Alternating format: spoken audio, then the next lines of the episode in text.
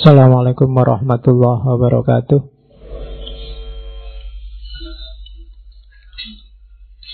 Bismillahirrahmanirrahim.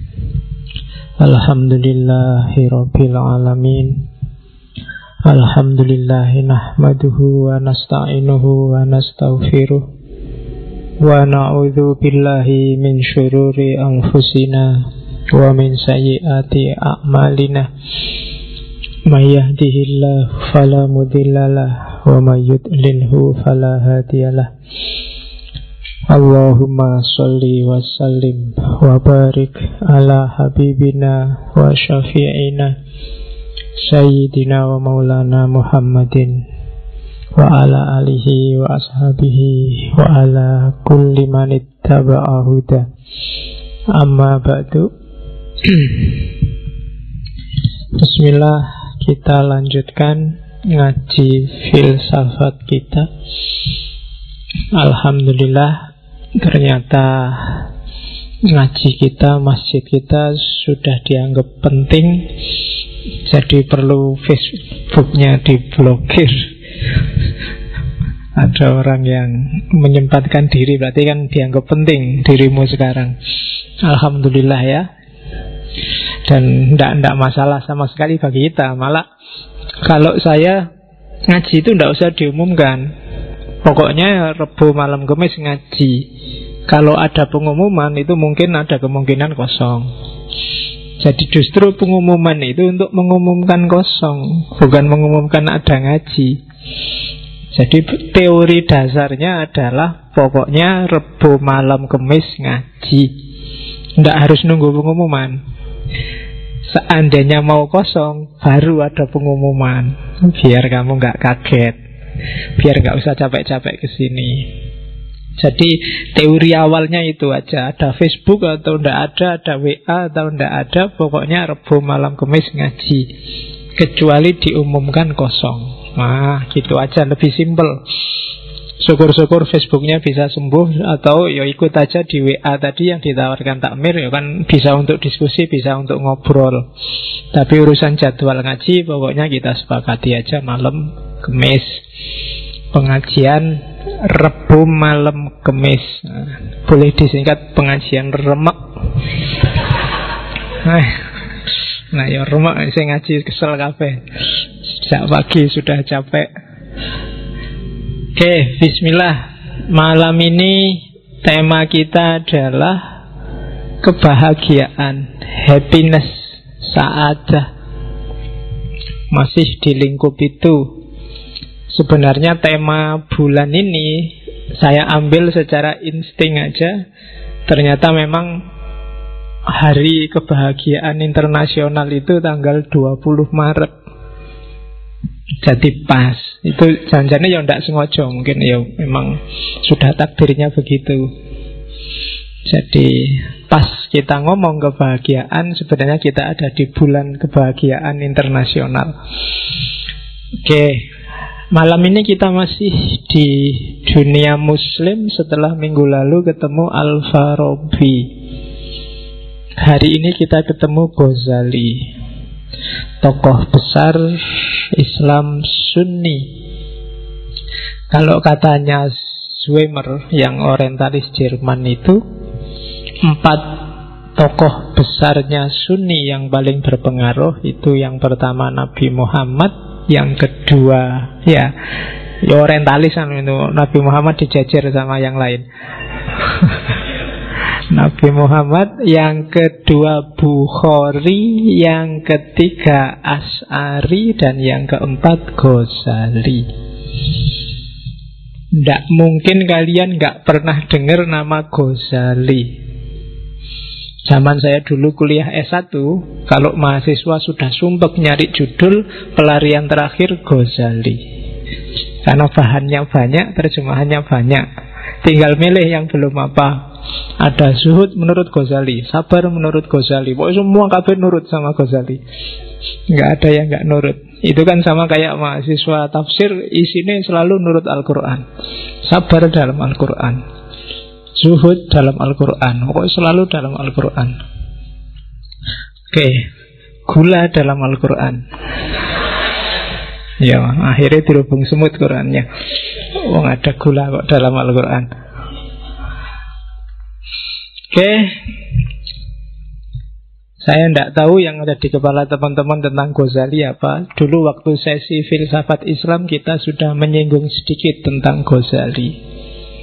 Tokoh yang ilmunya lengkap dalam tradisi kajian Islam ya fikih, ya kalam, ya tasawuf dan termasuk filsafat dia juga ahli. Jadi tokoh yang multidisiplin. Multidisiplin itu orang barat nggak percaya. Bagi orang barat manusia itu sak jago-jago ini mendalam di ilmu itu ya satu spesialis. Tapi sejarah membuktikan banyak tokoh yang ilmunya multidisiplin. Tidak kayak orang modern sekarang. Mungkin karena orang modern sekarang banyak kenyamanan-kenyamanan sehingga agak manja. Tapi orang dulu meskipun hanya bekalnya tinta yang dicelup, lampu yang tidak terlalu terang, tapi karyanya luar biasa, ratusan. Kita sekarang yang fasilitasnya luar biasa Pingin kitab apa tinggal download Tapi kan Akhirnya kita jadi manja Zaman dulu para ulama nyari satu, satu hadis saja bisa jalan berbulan-bulan Kamu download maktabah samilah itu dapat ribuan hadis Langsung, tapi dibuka aja enggak Oh, itu menurut saya kemanjaan-kemanjaan postmodern. Jadi kita kita jadinya generasi yang tidak tangguh di bidang sains. Padahal dulu sudah mati-matian dicontohkan oleh generasi Islam awal. Ghazali itu kitabnya ratusan, meskipun banyak di antaranya yang lenyap. Seiring dengan surutnya kekhalifahan Islam. Ghazali lahir ketika Baghdad hampir jatuh. Sampai Baghdad jatuh diganti Seljuk dan nanti sekitar tahun 1100 saya apal tahun meninggalnya Ghazali karena mudah diingat. 1111 kalau lahirnya 1059 Jadi meninggalnya masih muda 52 tahun. Tapi karyanya luar biasa Ghazali salah satu tokoh intelektual muslim yang menurut saya normal. Normal dalam arti dia tidak ada aneh-aneh. Kalau benar ya dibilang benar Tidak bikin aliran aneh-aneh Tidak bikin pikiran yang kontroversi. Tulisannya juga Dia filosofatnya sangat tinggi Tasawufnya sangat tinggi Tapi kalau dia nulis Dia paham audiennya jadi kitab-kitabnya Ghazali itu lumayan mudah dipahami. Saya membayangkan nanti kita ada sesi khusus satu bulan ngomong Ghazali. Kita ambil empat kitabnya yang bau filsafat. Yang pertama jelas tahafut tahafut Yang kedua Eh tahafutul falasifah Yang kedua Al-Mungkit Minadolal Yang ketiga Makosidul falasifah Yang keempat Mungkin bisa kistosul mustaqim Atau kita cari yang lain. Seandainya ada yang lebih berbau filosofis Tapi next time. Pada saatnya Kalau moodnya ada ya. Karena mood itu kan nunggu ilham dari atas.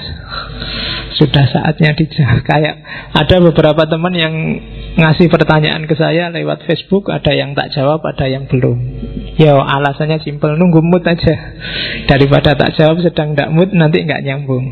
Atau ada yang nanya apa, tak jawab apa. Karena kalau tak jawab sesuai dengan kebutuhanmu nanti mungkin kamu tidak akan nyampe. Jadi ada trik-trik kayak gitu. Tapi monggo yang masih mau tanya cuma sabarlah untuk nunggu jawaban. Terus yang perlu dicatat dari Ghazali dia awalnya intelektual murni menjelajah hampir semua keilmuan Islam dan nanti berakhir dalam tradisi tasawuf. Termasuk kitab yang malam ini banyak kita singgung Kimia Us Sa'adah. Kimia kebahagiaan. Meskipun slide yang kita tampilkan hari ini Ada satu dua yang saya ambil tidak dari Kimia Usaadah Tapi dari Mizanul Amal beberapa kitabnya Ghazali yang menyinggung kebahagiaan kan setahu saya Kimia Usaadah, Mizanul Amal, Ihya Ulumuddin sama Al-Mungkit Minat Dolal. Cuma yang dominan malam hari ini kita ambil dari Kimia Usaadah. Ghazali memuncak karir intelektualnya ketika Nizamul Mulk jadi Perdana Menteri dan, dan dia mulai susut dalam arti berbalik dari tradisi intelektual. Kerajaan menjadi tradisi tasawuf itu setelah Nizamul Mulk terbunuh. Dengan era ontran-ontran bagi teman-teman yang suka sejarah silahkan dibaca betapa kerasnya memang persaingan antara Sunni dan Syiah. Di antara akibat negatifnya itu Nanti kan ada di kalangan si A Ismailiyah ada garis keras yang namanya Nizariyah. Di kalangan Nizariyah ini muncul satu sekte luar biasa yang isinya banyak pembunuh berdarah dingin kan sek sekte khusus untuk yang dimaafkan untuk politik tapi sebenarnya ini sekte bawah tanah semacam mafia zaman itu namanya Hassasinia ketuanya namanya Hasan bin Sabah. Dan jangan salah istilah dalam bahasa Inggris assassin pembunuh itu dari situ sebenarnya. Ya kalau di game itu nanti diadaptasi jadi game namanya Assassin's Creed kalau di film mungkin kalian ada yang maniak game itu. Ya. Di film kalian lihatlah Prince of Persia. Di situ ada. Ya sekali-kali nonton film lah. Kamu jangan ngaji kitab terus. Ya Jadi Itu Hasasinia Dan Hasasinia ini nanti yang sukses membunuh Nizamul Mulk Ini kelompok teroris yang Tidak kasar kayak ISIS jadi dia ndak ndak nyasar orang-orang awam di pasar-pasar di jalan-jalan kayak ISIS, tapi dia kalau sudah target yang ditarget pimpinan-pimpinan. Jadi zaman itu kalau dia sudah ngincer pimpinan, khalifah atau gubernur, itu biasanya dikasih dia ada biasanya senjata senjata andalannya pisau kecil itu. Jadi dia bisa menyusup ke mana-mana dan nggak ketahuan jadi biasanya kalau gubernur yang diincer itu tiba-tiba pagi-pagi di atas bantalnya sudah ada pisau itu itu alamat sampean sedang tak awasi tidak akan selamat dari tanganku kalau tidak sesuai yang dia inginkan. Misalnya kalau tidak mengakhiri kerjasama dengan siapa, kalau tidak melakukan apa. Jadi pisau yang ditaruh di bantal itu menunjukkan bahwa lingkungan orang dalam sudah ada yang jadi anggotanya asasinia atau ada penyusup ke situ. Jadi sudah nggak tenang hidupnya kecuali tuntutannya dipenuhi. Jadi dan kalau memang nggak dipenuhi ya akhirnya tewas kayak Nizamul Mulk yang sempat diancam kayak gitu Salahuddin Al Ayubi meskipun dia selamat. Jadi Salahuddin al-Ayyubi itu ceritanya waktu dia tidur tiba-tiba di atas perutnya sudah ada pisaunya kelompok Hasasiniyah. Meskipun kemudian dia menyerbu bentengnya Hasasiniyah yang namanya benteng Alamut. Orang barat kenal Hasasiniyah itu dari ceritanya Marco Polo. Marco Polo yang sempat kabarnya diajak ke sana. Dan uniknya kelompok Hasasiniyah ini kalau merekrut orang itu militansinya luar biasa karena nganggap Hasan bin Sabah ini orang yang punya hubungan khusus sama Tuhan. Jadi ada cerita saya nggak tahu benar apa enggak. Jadi kalau misalnya sama yang direkrut itu biasanya dibikin mabuk, dibikin teler sampai pingsan, terus dibawa ke bentengnya. Cuma di situ bentengnya di model kayak surga, ada bidadari, ada makanan enak, ada jadi waktu pingsan terus sadar dia, jangan-jangan ini di surga ya. Terus Manut sama Abdullah bin Hasan bin Sabah datang Ya kamu sekarang jadi anggota kita Kalau kamu taat hidupmu kayak di surga ini terus menerus Wah, jadi caranya halus, tidak kayak ISIS zaman sekarang. Kalau ISIS bagi saya kasar. Yang jadi prinsipnya Hasasin itu pembunuhan yang tidak perlu tidak usah. Jadi yang memang harus dibunuh dibunuh, kalau enggak ya enggak. Jadi daripada bunuh orang banyak, kalau enggak suka sama Obama misalnya, ya langsung aja ditarget Obama. Obama tewas kan selesai. Enggak suka sama Jokowi ya Jokowi aja. Nah, daripada demo tawuran di jalan ya langsung aja target aja sahabat. Loh, itu contoh nih. Dan di era kekacauan politik kayak gini nanti Ghazali melakukan konversi dari tradisi intelektual istana jadi tradisi sufi. Dalam cerita dia 10 sampai 12 tahun mengembara uzlah. Dan Di situlah nanti karya-karya sufi besarnya lahir termasuk kimia usa'ada Kimia usa'ada ini termasuk karya-karya paling akhir Setelah ya ulumuddin Jadi semacam klimaksnya Dan ada cerita Kenapa dia konversi dari tradisi intelektual ke tradisi sufi Karena dia tertarik oleh ilmunya adiknya. Adiknya ini sufi lebih dulu, Ahmad Al-Ghazali. Kalau Ghazali kan namanya Muhammad. Abu Hamid Muhammad bin Muhammad bin Muhammad tiga kali Muhammadnya baru Al-Ghazali At-Tusi Al-As'ari. Jadi namanya Muhammad Kakeknya namanya Muhammad Kemudian buyutnya juga namanya Muhammad Canggahnya namanya Muhammad. Jadi anaknya namanya Hamid. Atusi karena lahir di Tus Fikihnya Syafi'i Kalamnya As'ari Jadi namanya banyak. Kalian juga boleh gitu Bikin nama yang panjang gitu. Oke. Ya. Meninggal tahun 1511 dan ya karena dia sufi jadi sudah mengerti kalau bahasa sufinya ngerti alamul waib wasyahadah.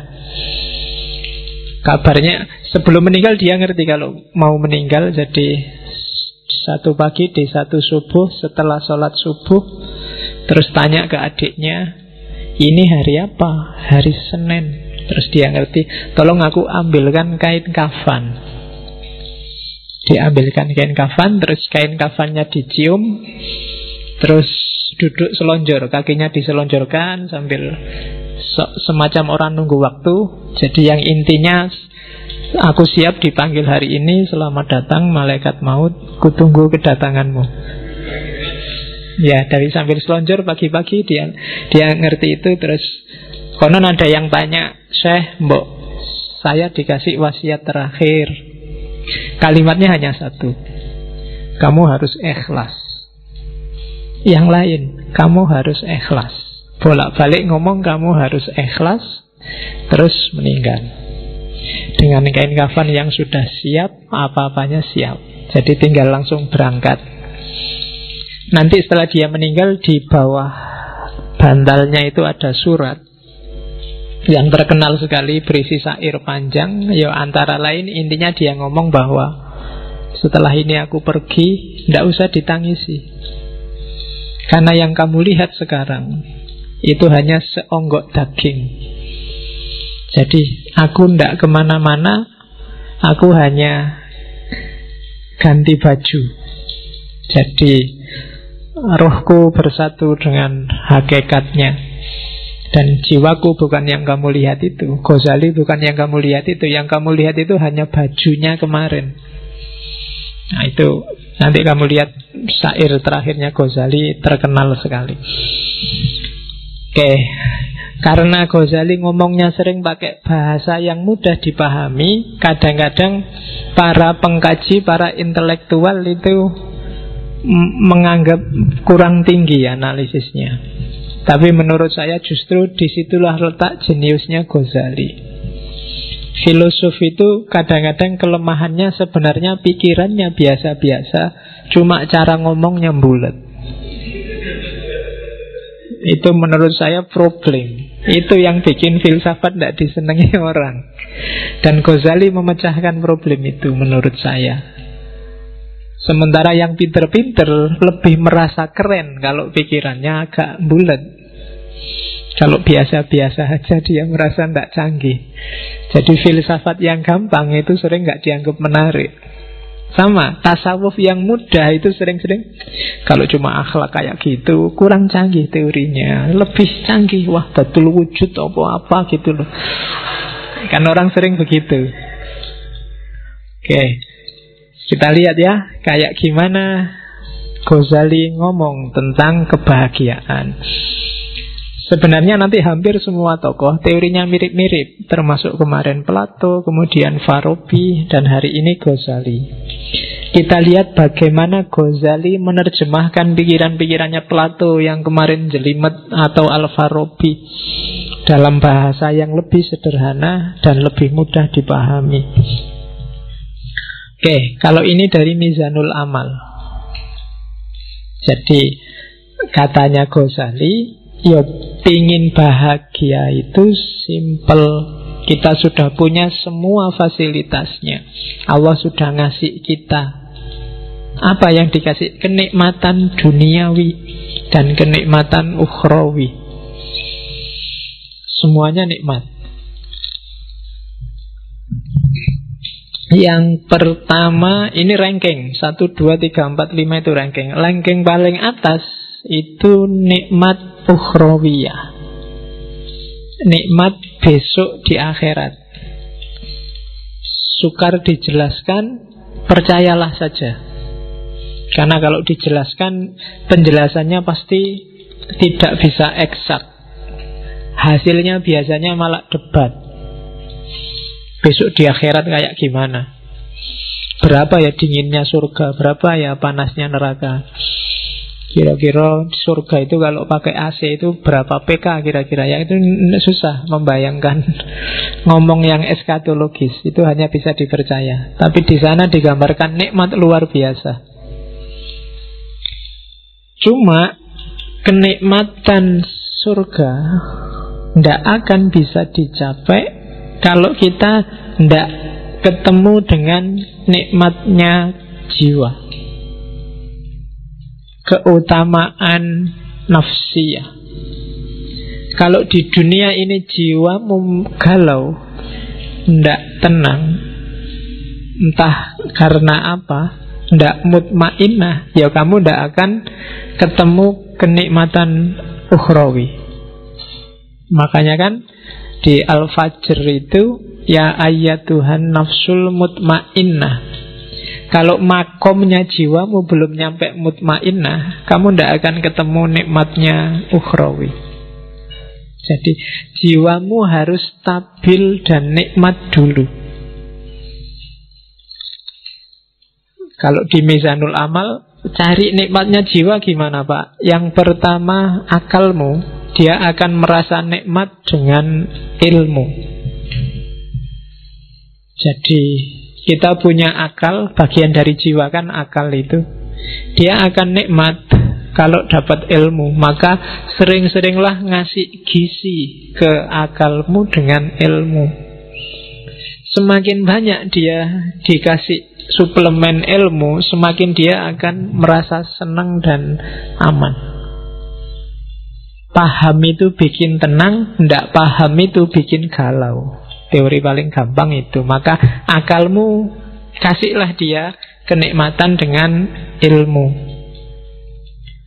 Terus dirimu maksudnya kedirianmu, pribadimu bikinlah dia nikmat dengan warok. Warok itu menjaga diri. Jangan ngawur hidupmu kalau pengen tenang. Ya rumus paling gampang Jangan lakukan yang haram Yang maksiat Jauhi yang subhat Kalau kalian jauh dari tiga hal ini, pribadimu akan merasa tenang. Jangan ketipu oleh enak sementaranya yang haram dan yang maksiat, apalagi yang subhat. Jadi, kalau akalmu selalu dapat suplemen ilmu dan dirimu terjaga dari yang jelek-jelek, kamu akan nyaman, jiwamu akan tenang. Terus yang ketiga, meskipun begitu, kamu juga harus memanjakan jiwamu dengan kesungguhan dan keberanian. Hiduplah yang serius, hiduplah yang punya cita-cita, punya target, dan berani. Yang keempat, adil. Adil itu hiduplah secara proporsional baik di level fisik maupun di level rohani. Jadi proporsional itu ya yang harusnya 10 dikasih 10, yang harusnya satu dikasih satu. Fisik itu adil kalau sehari butuh makan tiga kali ya dikasih tiga kali. Itu adil. Rohani itu adil ya sesuai dengan kebutuhanmu. Misalnya sudah waktunya nikah ya nikah aja. Sudah jatuh cinta waktunya pacaran ya jatuh cinta aja, ndak apa-apa. Nggak usah dibendung-bendung. Saya anti pacaran pak, ndak mau jatuh cinta pak. Kalau jatuh cinta ya jatuh cinta aja, kenapa enggak? Wong itu fitrah. Yang ndak boleh kan melampiaskannya kayak gimana. Tapi yang fitrahmu untuk suka pada lawan jenis, bukan yang sesama jenis loh ya. Itu penuhilah, tidak apa-apa. Kalau ini terpenuhi, kamu akan utama jiwamu, nafsiyahmu, tenang, mutmainnah. Baru kamu dapat kenikmatan ukhrawi. Cuma syaratnya tidak akan sempurna jiwamu tenang kalau badaniahmu tidak sempurna. Ya kayak tadi loh.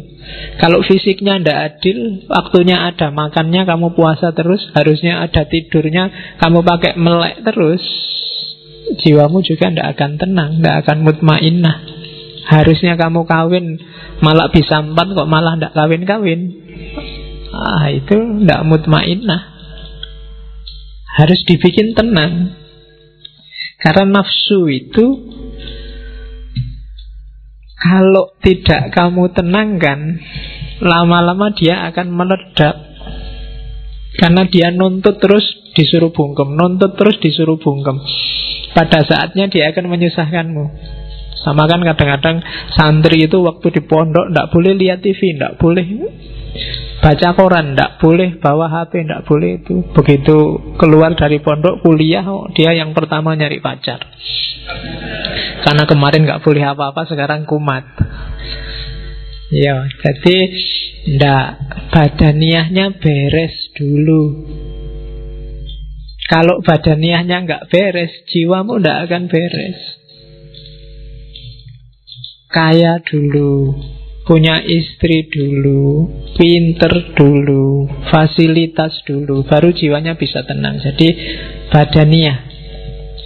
Kalau rumusannya Ghazali paling gampang untuk ngecek apakah badaniahmu sudah nikmat, sudah bahagia, yaitu yang pertama sehat. Yang kedua kuat. Sehat itu kan berarti fit. Apa ada sehat yang tidak kuat? Ya banyak. Saya sehat pak, cuma tidak terlalu kuat. Nah, olahraga biar kuat. Ya kan? Tidak cukup sehat tapi juga harus kuat. Yang ketiga elok. Elok itu cakep. Jangan khawatir setiap orang cakep sesuai perspektifnya masing-masing. Tidak apa-apa. Ya, kamu semua orang cakep. Jangan khawatir. Nah, bahagialah. Kalau enggak, kamu tidak akan bahagia jiwamu. Kalau kamu tiap hari aku kok jelek itu enggak. Tidak akan bahagia hidupmu. Anggap aja cakep wis tau, khawatir. Payu payu. ya. Itu kan kamu mikir Jangan-jangan ada yang gelisah Pak apa ada yang mau besok sama saya Pak Pak Pasti ada Asal standarmu jangan tinggi-tinggi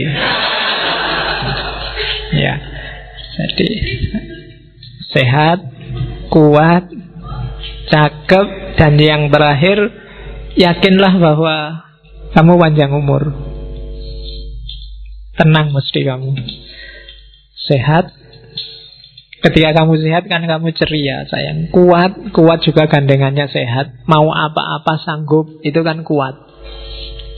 Jalan ke mana? Ayo. Cakep Jadi kamu merasa Pokoknya tidak ada celahnya diriku ini. Allah ngasih aku lengkap Alhamdulillah. Dan panjang umur. Orang yang merasa punya kualifikasi empat ini secara badannya Maka dia sebenarnya sedang bahagia secara fisik. Cuma selanjutnya. Untuk nikmat badaniyah kita butuh kenikmatan eksternal dari dunia di luar diri kita. Kita butuh punya harta, itu kan di luar. Kita butuh punya keluarga, itu di luar. Kita butuh dihormati orang, itu juga dari luar. Jadi kita butuh kenikmatan dari yang di luar diri. Dari kenikmatan di luar diri itulah diri kita akan merasa nikmat secara fisik. Dari nikmat secara fisik itu kita akan nikmat secara rohani, secara jiwa. Dari kenikmatan rohani itu pada akhirnya secara ukhrawi nanti kita juga akan nikmat. Cuma kenikmatan dari luar itu butuh pelengkap luar yang sangat luar apa bahasanya?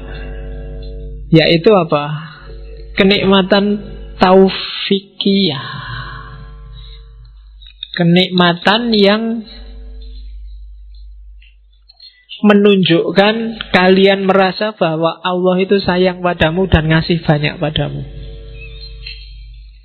Sebagus apa pun kehidupanmu hari ini, kalau kamu merasa dicueki Allah, atau apalagi Allah benar-benar cuek padamu, kamu gak akan dapat merasakan kenikmatan apa pun. Kamu melakukan korupsi, Enak loh korupsi itu. Kamu dapat banyak uang. Mau apa aja bisa Tapi karena kamu tahu bahwa dengan kamu korupsi ini Allah tidak akan ridho padamu Maka tidak jadi nikmat. Kamu nyontek ujian. Enak kan nyontek itu nggak perlu capek-capek belajar Bisa langsung jawab. Dan benar lagi dan bagus lagi. Dosen ini sampai heran, ini kuliah tidak pernah masuk.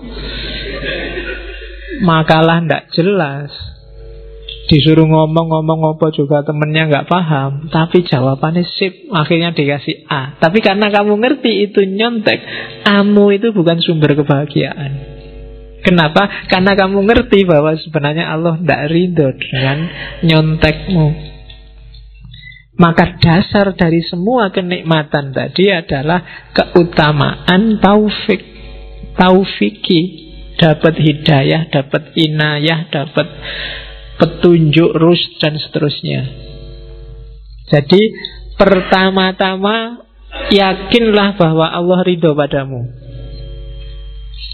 Setelah itu carilah bekal yang kamu butuhkan untuk nikmat, untuk bahagia nyari harta, nyari kehormatan, nyari status, nyari cari tidak apa itu sumber kehormatan. Kalau itu sudah dapat, maka kamu akan dapat kenikmatan duniawi, kenikmatan badaniah. Dengan bekal kenikmatan badaniah ini, jiwamu juga akan nikmat, bahagia, akan tenang. Ketika jiwamu bahagia, insya Allah besok akhiratmu bahagia. Bandingkan dengan orang yang sejak awal sudah tidak dapat ridhonya Allah Maka kenikmatan eksternal tadi akan jadi sumber bencana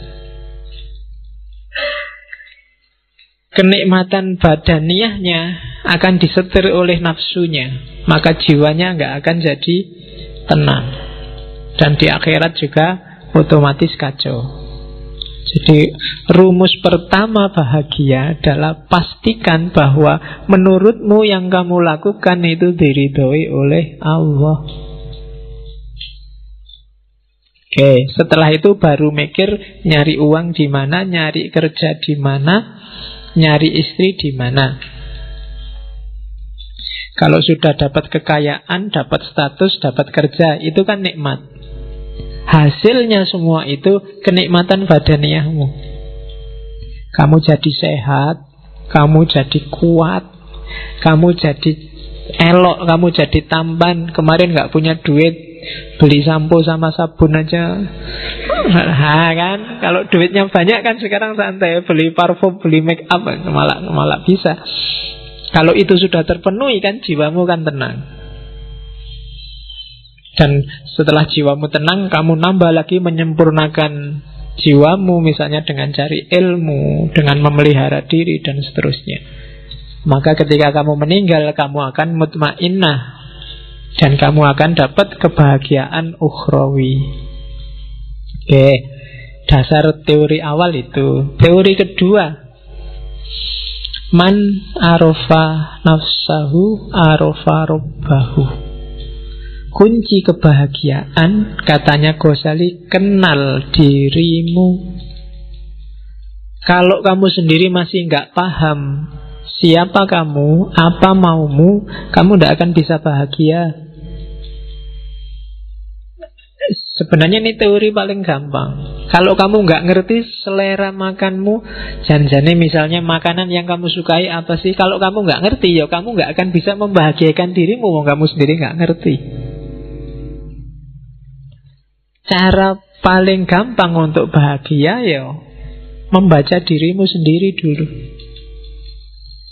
Katanya Ghazali di bagian awal kimia usahadah itu, ia yang mengenal dirinya, ialah yang akan merasakan kebahagiaan sejati. Mungkin selama ini kamu nggak bahagia karena kamu nggak kenal dirimu. Sebenarnya kamu suka misalnya baju-baju tipis. Tapi karena kamu nggak kenal dirimu Kamu lihat orang lain pakai baju-baju tebal Pakai baju-baju jubah Kamu anggap itu yang enak. Dan kamu tiru Ya enggak enak akhirnya. Kamu nggak nemu kebahagiaan di situ. Jadi kenali dirimu dulu deh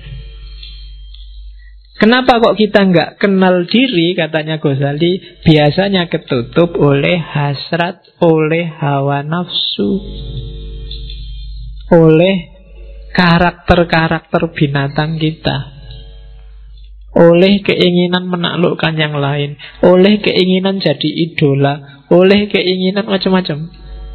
Itu yang bikin kita nggak kenal. Padahal kamu seleranya cuma nasi kucing. Tapi karena ingin dianggap keren Kamu milih restoran-restoran mahal Yang ada steak, ada apa. Padahal begitu lihat steak kamu janjani mau muntah. Di panganan opo itu. Tapi yo Biar dianggap keren Terpaksa kamu sambil nutup hidung dimakan. Tidak enak karena kamu nggak kenal dirimu sendiri. Ketutup hasratmu untuk dianggap anak gaul Sebenarnya pakai jin itu mungkin kamu tersiksa luar biasa Wong meletup kayak gitu gimana? Tapi kalau nggak pakai jin nggak keren pak. Padahal kan yang paling keren itu kan menurut saya kan pakai sarung paling enak. Longgar, isis kan? Loh iya kan? Makainya juga simple Kapan pun dibutuhkan bisa dibuka Bayangkan kamu pakai jin ke kamar mandi aja nggak sumpek kalau pun. Coba pakai sarung tinggal diangkat, wes selesai. Nah ya kan, loh itu kecenderungan jiwamu tidak bisa dibohongi. Jadi kenali dirimu. Oke. Terus dan jangan salah katanya Ghazali mengenal diri itu manfaatnya dua. begitu kamu jernih membaca dirimu, semakin ke dalam, semakin ke hakikat sebenarnya siapa itu manusia, justru di paling dasar kamu akan ketemu gambarnya Tuhan. Ya kan? Karena Allah memang yang membedakan manusia dengan yang bukan manusia kan wa ruhi dalam diri kita ditiupkan ruh dari Allah. Dan itu citranya gambarnya ruh dalam diri kita itu gambarnya Allah. Jadi begitu kamu kenal dirimu yang sejati hakikatnya kamu kenal Allah. Jangan dibayangkan kalau mau lakukan bersihkan dirimu sebersih-bersihnya singkirkan dari debu-debunya. Ghazali kan yang terkenal bikin analogi cermin itu kan Semakin nafsu menguasaimu, semakin gelap cerminmu. Kayak kamu maksiat sekali, ada titik hitam satu. Semakin banyak maksiat, titik hitamnya semakin banyak. Sehingga kamu tidak bisa sudah lihat ke dalam dirimu. Akhirnya kamu tertipu oleh titik-titik hitam itu. Kamu anggap yang penting yang titik-titik hitam itu. Padahal kalau kamu bisa bersihkan itu, kamu sisihkan itu semua, kamu akan melihat bahwa sebenarnya Itulah hakikat dirimu dan sekaligus itulah Tuhanmu. Oke, jadi kunci bahagia pertama kenali dirimu. Saya tidak tahu pernah nggak teman-teman sekali-sekali mikir tentang dirimu sendiri. Mungkin paling tidak kayak tadi Nanti kalau ada waktu ya bikin semacam muhasabah Semacam tafakur Tipe orang kayak gimana sih kamu itu? Yang kamu sukai apa, yang tidak disukai apa? Cita-citamu apa saja? Keinginanmu apa saja? Terus kamu cek ini keinginan ini sifatnya kayak gimana sih positif apa negatif kalau negatif kenapa kok negatif sumbernya dari mana dan akhirnya mau jadi apa Wah, itu muhasabah namanya jadi yang pertama Kenali dirimu deh. Siapa kamu? Ya kalau orang perang itu kan harus ngerti posisinya. Kalau kamu nggak ngerti posisinya Gawat. Ya kan? Di rumah aja kan kamu harus ngerti posisi. Kamu itu anak Opo bapak Opo ibu Opo adik Kamu kan harus jelas. Kalau kamu di rumahmu anak tapi merasa kayak bapak Kan gawat Ya, nanti malam-malam masuk kamar ibu Elo. Posisimu anak bukan bapak. Lah ya kan? Harus jelas. Nah, itu maka kamu dalam hidup ya gitu harus muhasabah. Janjane kamu itu teman apa sahabat apa pacar apa musuh kan juga harus jelas. Biar menyikapinya juga enak. Maka Know yourself. Ini kan pesannya Socrates yang paling awal kan Kenali dirimu. Ya itu kalimat-kalimat di Kimia Usada. Coba deh kalau sanggup Tanyakan Siapa aku Dan dari mana aku datang? Ke mana aku akan pergi? Apa sih tujuan kedatanganku Dan persinggahanku di dunia ini di mana sih kebahagiaanku dapat ditemukan? Tanyakan itu coba jawab ini PR-mu nanti malam. Ya sambil nonton sepak bola kalau ada ini dijawab. Kira-kira siapa sih aku itu? Dari mana aku datang? Kok tiba-tiba aku ujuk-ujuk ada di sini itu loh? Apa kebetulan Atau Allah ngasih misi apa sih aku ditaruh di bumi ini Kok aku dilahirkan di Jogja, kok aku dilahirkan di Sumatera, kok aku dilahirkan Jawa Timur, kok aku kira-kira disuruh membawa misi apa sama Allah. Nah itu muhasabah. Dan Ghazali wanti-wanti diinget-inget ya dalam dirimu secara umum itu ada tiga aktor. Ada tiga apa namanya tiga variabel yang harus hati-hati kamu gunakannya. Begitu salah dosis, hidupmu kacau. Yang pertama adalah unsur hewan, kehewanan, yang kedua unsur setan, dan yang ketiga unsur malaikat. Tiga-tiganya penting. Kamu butuh unsur hewan. Kalau kamu nggak punya unsur hewan, gawat. Kamu nggak punya ambisi, nggak punya cita-cita, kamu akan jadi orang yang pasif, nggak kreatif. Mungkin kamu bisa nggak punya anak kalau nggak punya unsur kehewanan. Karena, wah saya nafsu kayak gitu nggak lah pak, ayo malah gawat. Harus punya yang itu. Cuma dosisnya dan caranya diatur. Jangan sembarangan. Nah, kalau sembarangan jadi hewan beneran. Jadi bukan lagi manusia yang punya unsur kehewanan, tapi hewan yang punya unsur kemanusiaan. Walik. Jadi harus ada. Setan juga begitu. Belajarlah dari setan apa? Kecerdikannya. Setan itu pinter, cerdik. Nggak gampang loh Bisa bohongi orang, ngerayu orang, diplomasi. Itu perlu belajar dari setan. Ah ya kan? Lu kalau nggak cerdas luar biasa Nggak bisa jadi setan. Kamu bisa mengerayu orang Orangnya punya akal. Manusia kan dikasih bekal akal Dan itu setan ditantang untuk menaklukkan Dan sering sukses. Ya kan? Loh setan itu kan sering sukses. Kadang-kadang setannya belum ngapa-ngapain itu sudah sukses. Setan itu ya geleng-geleng kepala Dan menungsoy Belum diapa-apain wis manut. Oke. Dan malaikat. Jangan salah Dalam dirimu ada malaikat. Potensi untuk pasrah tunduk total 100% pada Allah tanpa bantah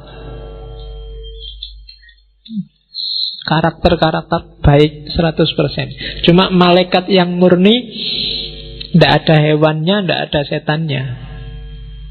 Ya. Jadi tidak manusiawi. Jadi manusia itu mix antara tiga-tiganya.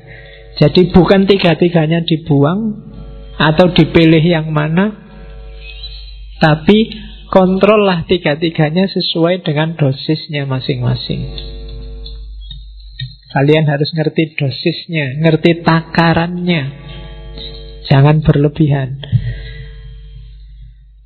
Katanya Ghazali untuk bisa ngerti takarannya yang ngontrol harus akal. Kenapa harus akal? Gambarannya kayak kota katanya Ghazali. Jadi jiwa kita itu adalah kota besar. Rajanya beda sama Farabi kemarin. Rajanya bukan akal, tapi hati. Kolep. Jadi katanya Ghazali akal itu bukan rajanya, akal itu tunduk pada kolep. Suka dan tidak suka, kecenderungan batinmu. Jadi Ghazali melihat manusia itu disetir oleh kecenderungannya. Akal, dalil, argumen, pikiran itu datang belakangan mendukung kecenderungan hatinya. Maka bereskan dulu hatimu. Karena hati itu rajanya, bukan kayak di Farabi kemarin, akal rajanya. Jadi kamu itu ikut partai apa dulu baru kamu cari dalil kenapa partaimu itu bagus. Kamu itu jatuh cinta dulu baru cari argumen kenapa kamu jatuh cinta padanya. Kamu suka dulu baru nyari alasan kenapa kamu suka Atau tidak suka dulu baru nyari alasan kenapa kamu tidak suka Jadi rajanya adalah hati maka kan banyak pengajian-pengajian manajemen kolbu.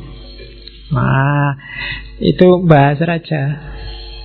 Ya besok kita bikin tandingannya manajemen akal. ya. Jadi tugasnya akal apa? Akal panglima perang. Hati itu tugasnya ngasih nasihat, berfatwa. Sementara pekerjanya, panglimanya di lapangan itu akal. Prajuritnya itu syahwat dan amarah.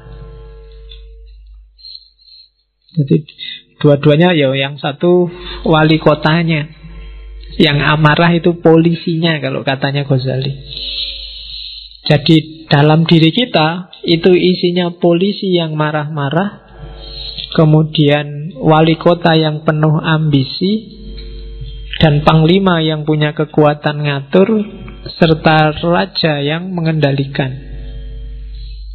Begitu rajanya nggak beres, maka panglimanya juga disuruh ngatur untuk ke arah yang tidak beres. Syahwat akan jadi penguatnya karena dari situ muncul ambisi hasrat. Kemudian kekuatan amarah jadi pendorongnya. Jadi Hati-hati, makanya hati harus lembut, baru yang lain ikut lembut. Kalau hati kasar, akalmu juga akan mengarah pada kasar, sahwatmu juga dikontrol oleh kekasaran dan amarahmu akan semakin menyala. Jadi maka katanya Ghazali, amankan kota jiwamu. Pertama-tama bereskan hatimu, kemudian perintahkan panglima untuk mengendalikan wali kota dan polisi. Kalau enggak, ya alamat kotamu kacau balau. Jangan sampai nanti nafsunya memberontak mengalahkan hati dan akhirnya nafsunya yang jadi raja. Juga jangan sampai polisinya amarahnya yang jadi raja. Dan jangan sampai juga akalnya yang jadi raja. Yang harus jadi raja hatinya. Oke. Terus karena itu katanya Ghazali itu kalimat tak copy paste. Hati-hatilah kalau kebahagiaanmu hanya karena urusan makan, minum, dan semua kebutuhan biologis, maka kamu termasuk kelompok bahaim. Kalau kebahagiaanmu terletak pada menang kalah, siapa ranking satu, siapa ranking di bawahnya, siapa yang statusnya tinggi, siapa yang statusnya rendah, maka kita adalah binatang tapi binatang yang sabuiyah. Binatang liar. Kalau tadi bahaim itu binatang ternak peliharaan. Kalau hidup kita yang bikin kita bahagia adalah tipu daya, muslihat, mencurangi orang lain, maka kebahagiaan kita adalah kebahagiaan jenis kebahagiaannya setan. Dan kalau yang keba bikin kita bahagia hanya urusan kita menyembah pada Allah, ibadah, tidak membangkang sama sekali, maka kita ada di level malaikat. Bagus tapi tidak manusiawi. Jadi hati-hati, jangan jadi binatang ternak, jangan jadi binatang pemburu, jangan jadi setan, juga jangan jadi malaikat. Nah, susah ya kalau dilarang jadi malaikat. Kamu mesti komplain. Oh, malaikat kan bagus, Pak. Enggak. Kita oleh Allah disuruh jadi manusia. Kalau manusia berarti, yo ada bahaimnya dong. Yo kita butuh makan, butuh minum. Butuh yang itu juga. Ya kan? Ya. Padahal aku ngomong yang itu loh ya. Kamu kok pikirannya ke sana? Isi pikiranmu berarti yang itu-itu. Aku nggak ngomong apa-apa loh. Terus Sabu iya. Kalau yang ada di pikiranmu sekarang Kapan ya aku ranking satu? Kok kalah terus aku? Rankingku ranking 40 terus.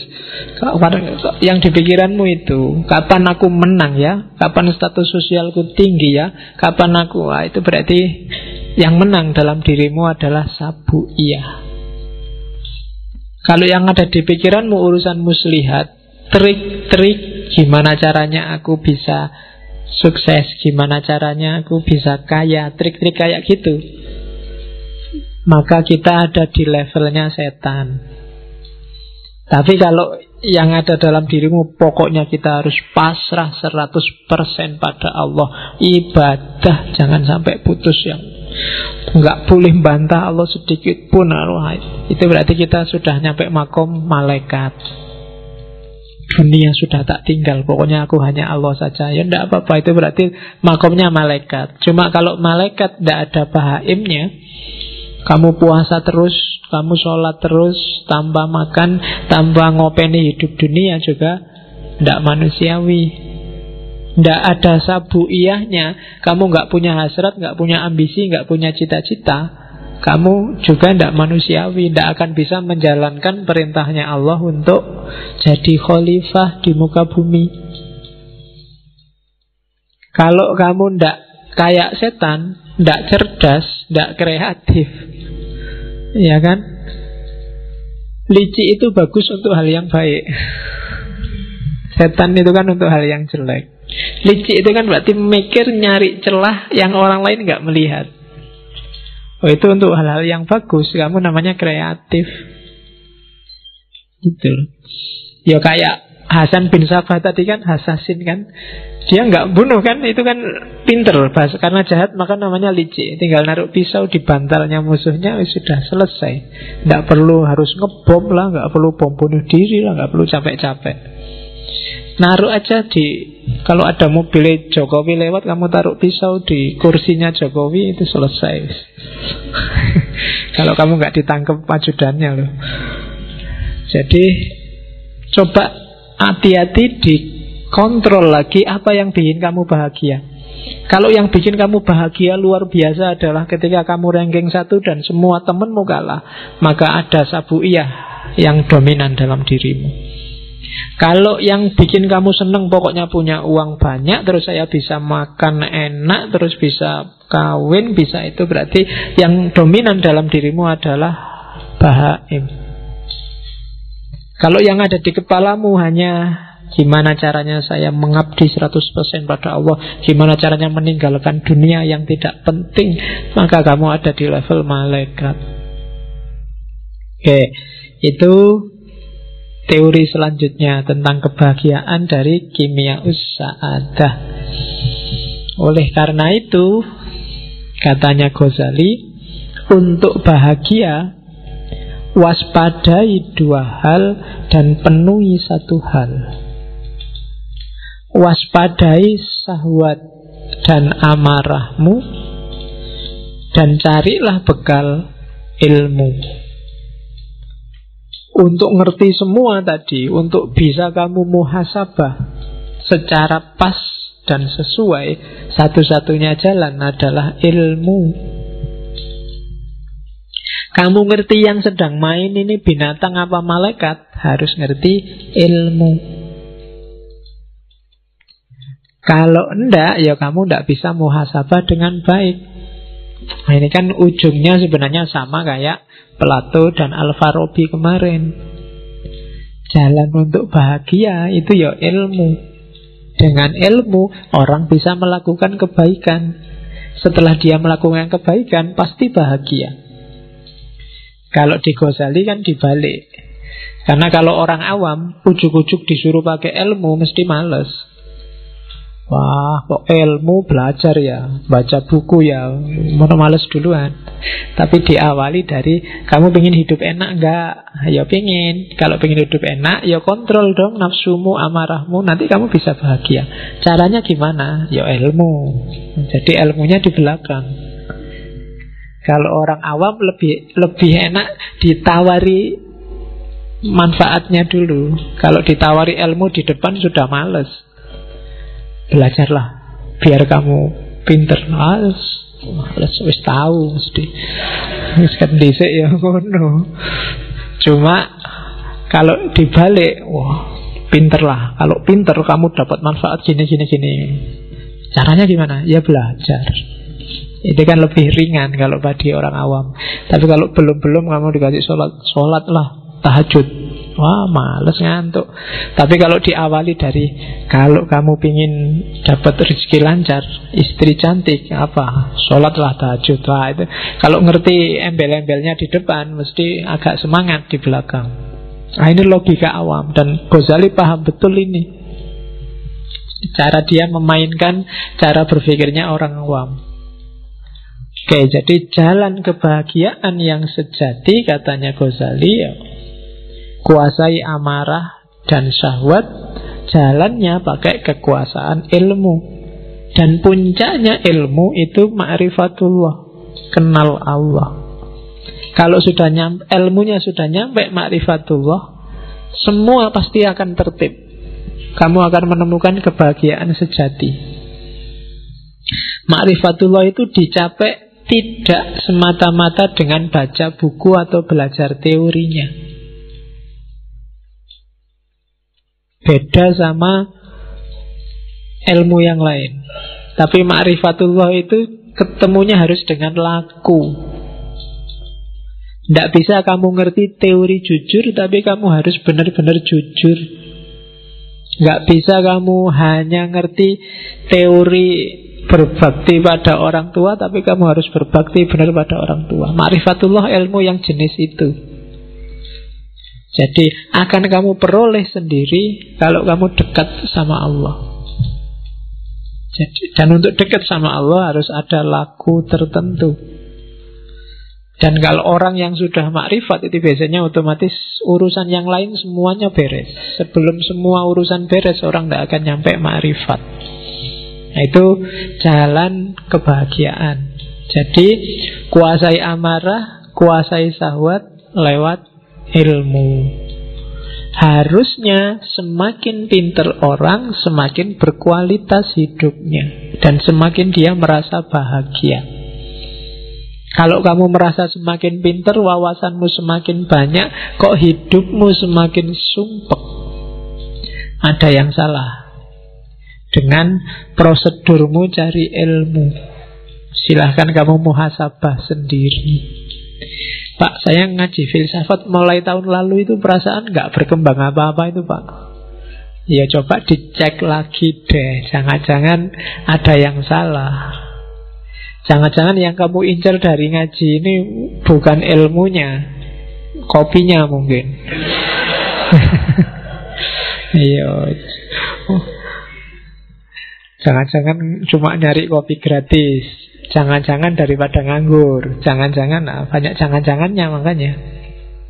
Maka dicek lagi. Terus nah ini Saya ambil yang bahasa Inggris Terjemahannya. Cara untuk menguasai amarah dan nafsu tadi. Kalimatnya Ghazali bagus. Oke, itu saya kasih foto yang itu karena Ghazali Tus, Tus itu daerah Persia dan orang Persia, orang Iran itu biasanya tinggi, besar, gagah dan brewoan.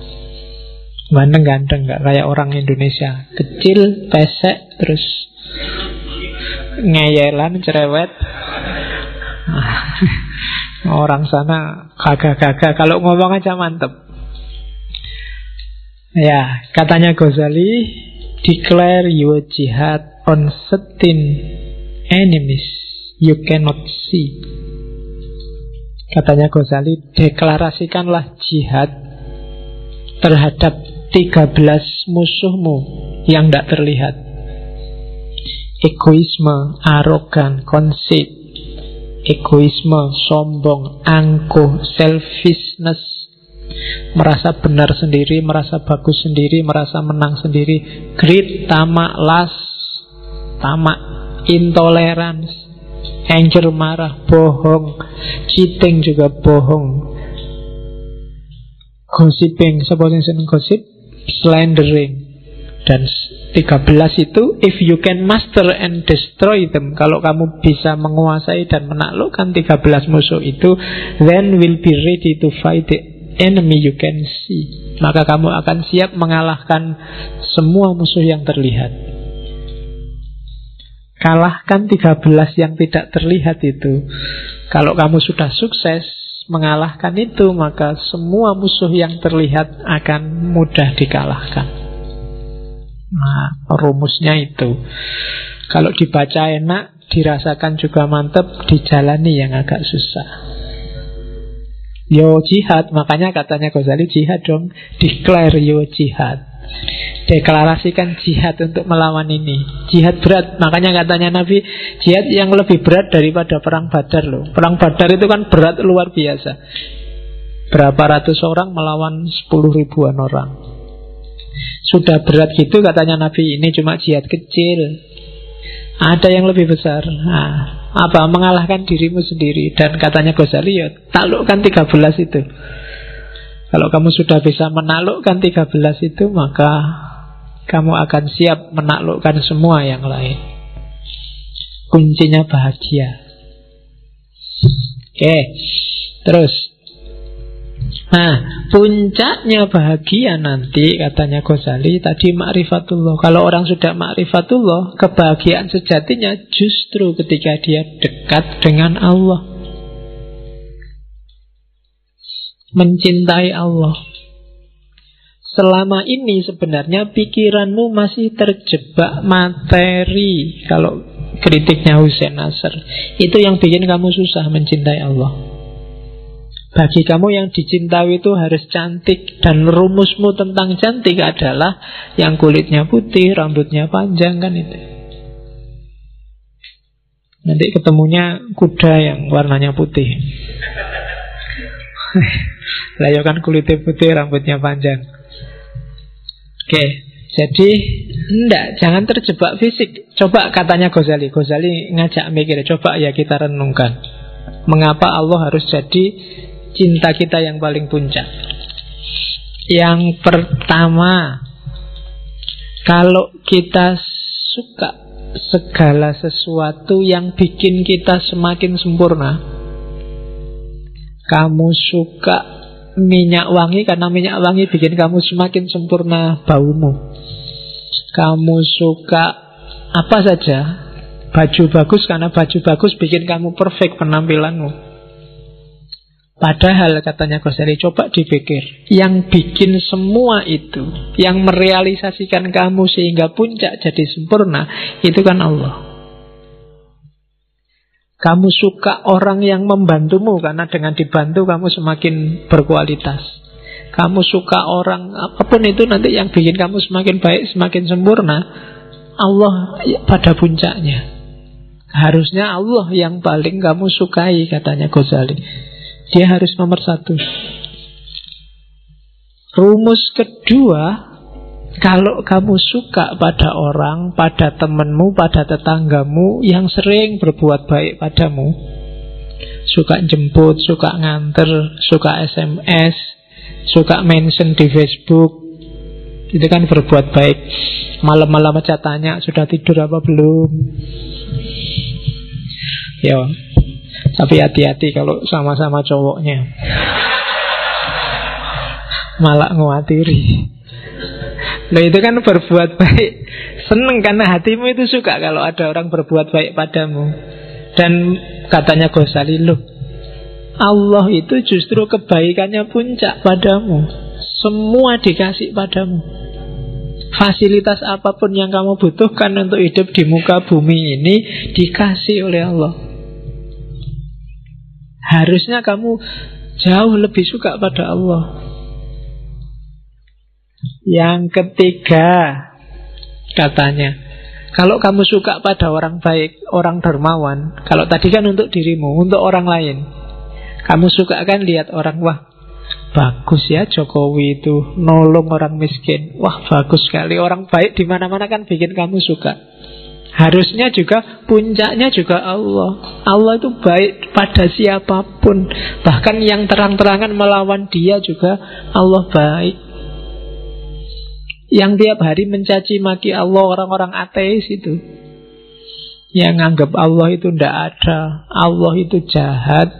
Allah itu menyusahkan orang dan seterusnya. Loh Allah masih berbuat baik pada mereka. Kalau Allah mau begitu dia ngomong saat itu juga nyawanya hilang bisa. Tapi kan enggak. Itu kan berarti orang yang baik luar biasa seandainya orang. Maka harusnya jatuh cinta kita pada Allah itu topnya. Kalau cuma manusia, dia ada batasnya. Kalau Allah nggak ada batasnya. Itu argumen keempat.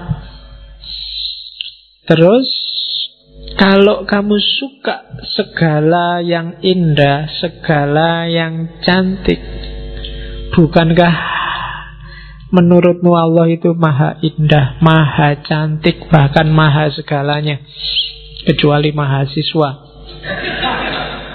Ya satu-satunya yang maha tapi bukan Allah itu mahasiswa. Nah, itu kan harusnya Allah yang paling kita cintai. Jadi pada puncaknya ternyata ada Allah. Allah itu maha indah Pak Ya saya bilang tadi Kamu nggak bisa menangkap kemaha indahan Allah Karena pikiranmu terjebak fisik Susah untuk mencintai sesuatu yang tidak fisik. Itu yang bikin kita susah untuk jatuh cinta pada Allah. Hubungan kita sama Allah selama ini bukan hubungan cinta, tapi hubungan formalitas. Atau jangan-jangan hubungan juragan sama buruh. Kadang-kadang dibalik kamu merasa jadi juragannya. Allah kamu perintah-perintah. Ya Allah, mbok IP 4, masa nggak bisa 4 aja mas? Itu kan kamu doanya kan gitu maksa-maksa Allah. Saya ada masalah nih, tolong diselesaikan. Oh, kamu yang berbuat kok Allah suruh tanggung jawab. Ya, kamu perintah-perintah itu untuk Allah nggak ngomong ya jerakannya siapa, buruhnya siapa, kamu merintah-merintah. Jadi harusnya cintamu yang pertama ada pada Allah. Bikin alam secantik ini itu sebenarnya salah satu bukti ya pasti dia maha cantik. Emangnya yang merumuskan ada cowok cakep atau cewek cakep itu kan ya Allah sendiri kan yang bikin rancangan. Dan itu pun dibikin sesuai standarnya manusia. Hewan juga mungkin punya standarnya sendiri. Dan itu kan kecanggihannya Allah. Tidak ada kan hewan jatuh cinta sama manusia misalnya. Ayam ya jatuh cintanya sama ayam perempuan Gak pernah sama cewek cantik Cowok juga, mahasiswa juga jatuh cintanya sama mahasiswi Gak pernah sama ayam Kecuali ayam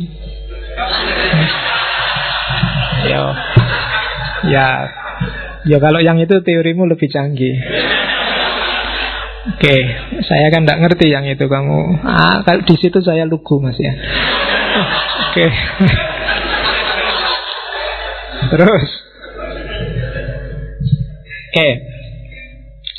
Terakhir katanya Ghazali, kalau orang mencintai sesuatu karena cocok dengan dirinya, misalnya kamu baik, suka juga sama orang baik. Kamu orangnya suka makan, kamu juga suka sama orang yang suka makan. Kamu orangnya suka humor, kamu senang juga orang sama suka humor dan seterusnya. Kalau kamu jeli, coba kamu cek bahwa Allah sangat sesuai dengan dirimu, dengan hidupmu. Kamu apa aja, Allah ada mahanya. Kamu adil, Allah maha adil. Kamu suka kedekatan Allah maha dekat. Kamu suka keakraban Allah maha akrab. Ya kan Ra'uf, Rofik dan seterusnya. Bahkan kamu suka ketegasan Allah syadidul ikob Pada yang salah. Ada semua mesti cocok. Makanya para sufi selalu nyuruh kita Taholak bi ahlakillah. Tirulah karakternya Allah. Kenapa kok bisa ditiru? Karena sama sekufu sama kita meskipun beda level. Jadi Allah maha penyayang, kita menyayangi bisa. Allah maha pengasih, kita mengasihi bisa. Berarti sepadan. Harusnya kita jatuh cintanya sama Allah, katanya Ghazali. Lah kok bisa kita jatuh cinta pada yang bukan Allah Pasti kamu sedang ketipu katanya Kamu ndak pol jatuh cintanya. Kamu masih main di level bawah. Coba pikir lagi, apa sih yang bikin kamu jatuh cinta sama harta? Harta bikin saya enak, Pak. Loh, Allah jauh lebih dari itu. Harta memenuhi kebutuhanku Pak Allah sejak dulu sebelum kamu lahir Masih di perut ibumu dipenuhi kebutuhanmu Apa yang bikin kamu jatuh cinta sama lawan jenismu? Ya enak Pak. Enak apa nih wong belum kawin? Ya kan? Lo Allah berkali lipat bikin kamu enak Bahkan nggak cuma lewat jalur itu. Lewat jalur makan, lewat jalur ilmu Lewat jalur minum, lewat jalur persaudaraan, persahabatan Kekeluargaan. Itu kan nikmat-nikmat yang luar biasa. Harusnya kamu jatuh cinta dong pada Allah Bukan pada yang selain Allah. Nah itu argumennya Ghazali. Nah ini kalimat tak potong dari kimia usada Kebahagiaan tertinggi bagi seorang awam adalah surga. Sementara kebahagiaan tertinggi bagi, bagi orang-orang khawas adalah ridhonya Allah. Jadi surga itu iming-iming bagi orang biar dia jalan menuju ridhonya Allah. Sama karena kayak anak kecil itu loh Ketika dia belum bisa jalan berdiri Untuk mancing dia bisa berdiri Ibunya ngasih Ayo pisang, ayo Pokoknya kegemarannya dia. Ditaruh di depannya Biar dia berdiri meraih itu. Cuma targetnya ibunya Biar anak ini berdiri dan bisa jalan Ya kalau dia nyampe dikasih si pisang itu Tapi intinya kan Alhamdulillah sekarang bisa jalan jadi itu logikanya surga sama ridhonya Allah. Kalau kamu menuju surga, kamu dapat ridhonya Allah. Dan juga sebenarnya kalau kamu menuju ridhonya Allah, surga jadi nggak penting. Kalau kamu sudah jalan seperti maunya ibumu tadi, pisangnya nggak penting lagi. Jadi, ya dulu mungkin orang apa-apa kan serba matematis sama Allah juga dagang kalau gini untungnya apa kalau gitu untungnya apa. Sementara mikir abstrak agak susah. Maka ditawarilah dengan jannah dengan surga yang ilustrasinya sangat fisik. Ya sesuai jangkauan pikiran masyarakat zaman itu bahwa di surga besok ada kolam susu, kolam madu, ada bidadari, ada itu kan fisikal. Tapi puncaknya adalah sebenarnya keridoan Allah. Apa ndak boleh Pak saya mimpi ke surga? Boleh. Jalanmu menuju surga adalah jalan yang sama sebenarnya menuju keridoan Allah. Cuma kalau terminal akhirmu surga dan kamu berhenti di situ, matok di situ, mungkin kamu nggak ketemu keridoan Allah. Akhirnya ibadahnya jadi matematis Disuruh apa-apa dihitung Kalau saya sholat duha untungnya apa? Wah rezekimu lancar Oke okay. Ya kan? Kalau saya sholat tahajud apa-apa Semua kebutuhanmu dipenuhi Oke okay. Kan selalu gitu kamu negosiasi Begitu kamu sholat duha lama Rezeki tidak lancar-lancar pak Jangan-jangan bohong Ya kan? Karena kamu kamu pertimbangannya matematis seolah-olah Allah nggak ngasih apa-apa padamu. Karena itu kamu ya harus kaya dengan sholat duha. Kalau saya sodakoh seribu, nanti dapatnya tujuh puluh ribu. Benar kok Pak? Iya janjinya Allah. Begitu nggak dapat tujuh puluh ribu, wah bohong kan mana? Ya kan? Jadi itu yang yang manusia awam katanya Ghazali mikirnya selalu ke situ. Tapi ya tidak apa-apa karena itu jalur yang sama kok menuju keriduan Allah. Kalau memang tidak nyampe ya harus begitu. Retorikanya. Cuma semua innalillahi wa inna ilaihi bukan wa ilal jannah. Semua dari Allah dan akan kembali ke Allah. Oke, terus ya. Nah, Tadi, kenapa kok kamu gagal mencintai Allah? Kenapa kok kamu gagal kenal sama Allah? Ini Ghazali mengidentifikasi. Ada enam orang, ada enam sebab. Yang pertama adalah kamu tidak yakin Allah itu ada. Jadi orang, contohnya orang-orang kafir, Kita punya gaya ini mungkin di level tertentu nggak sedahsyat orang kafir. Tapi puncaknya yang jelas orang kafir. Dia tidak ngakui kalau Allah itu ada. Dia menganggap dunia seisinya ini ada dengan sendirinya. Ya mungkin karena kombinasi antara zat apa, sel apa, dan seterusnya Dunia ini ada Katanya Ghazali Orang-orang ini kurang piknik oh, Bahasamu kan gitu sekarang Jadi orang-orang ini nggak pernah piknik. Itu kayak orang yang melihat tulisan Tapi nganggep tulisan itu ujuk-ujuk ada. Ujuk-ujuk tiba-tiba ada. Yang tidak Jawa kan bingung kamu memahami ujuk-ujuk. Jadi ada gaya orang kayak gini. Orang yang tidak yakin Allah itu ada Ya tidak akan mengenal Allah kita kadang-kadang gitu kan Keyakinan kita Allah kan sering bilang Ana indah abdi Kalau kamu anggap Allah itu A Ya A itulah keberadaan Allah.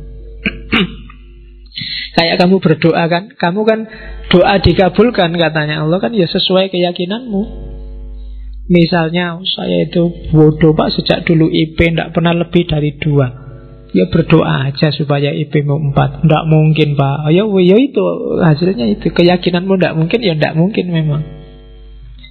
Jadi Allah indah dhoni abdi Pak wajah saya kayak gini apa ya bisa dapat yang cakep besok Tidak mungkin pak Ya meskipun kamu berdoa Sementara kamu merasa tidak mungkin Yes, yes sejumlah itulah Allah masuk dalam doamu Saya anaknya orang miskin ya pak Apa bisa kaya ya. Nah kamu berdoa kaya tiap hari ya siapa tahu Tapi kamu nggak mungkin ya sudah enggak Allah intervensi sejauh keyakinanmu jadi kamu tidak akan kenal Allah kalau kamu memang nggak ingin kenal. Mungkin kamu merasa lebih penting kenal Loma Irama, Ahmad Dhani, Ahok atau SBY atau Jokowi. Buktinya kalau ketemu salaman kamu masukkan Facebook, kamu masukkan WA, habis salaman sama tokoh A. Jejer sama tokoh B kan gitu kamu tiap hari. Tapi kan kamu nggak nggak terlalu wow kalau sedang Wah ini aku baru kenalan sama Allah Tidak ada Bahkan mungkin tidak pernah ada yang bikin status begitu Ya, kalau ada mungkin kamu langsung dibully bareng-bareng sama teman-temanmu. Dianggap anu Islam anyaran. Wah, Islam anyaran sih kayak ngerti kalau ada Allah. Padahal yang bilang gitu mungkin dia juga belum kenal sama Allah. Beda loh, ngerti sama kenal. Kamu bisa merasakan bedanya. Orang yang kenal sama Allah, nanti di atas itu ada orang yang dekat. Makanya orang Islam disuruh mukorobah. Ada orang yang dekat. Ada orang yang hanya tahu. Hanya tahu itu dari jauh. Mungkin kamu lihat TV, lihat Mungkin kenalmu sama Allah hari ini masih baru hanya tahu. Kalau kamu hanya tahu, Allah juga hanya tahu kamu ada. Kan Allah tergantung caramu mendekati dia.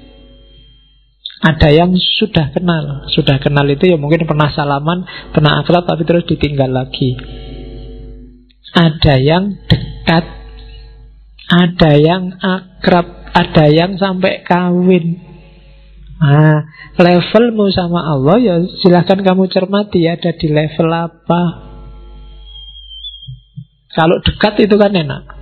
Makanya kan kemarin ada status di Facebook itu Sholat tidak pernah Puasa tidak pernah Zakat nggak pernah Kok cita-citanya masuk surga Emangnya punya kenalan orang dalam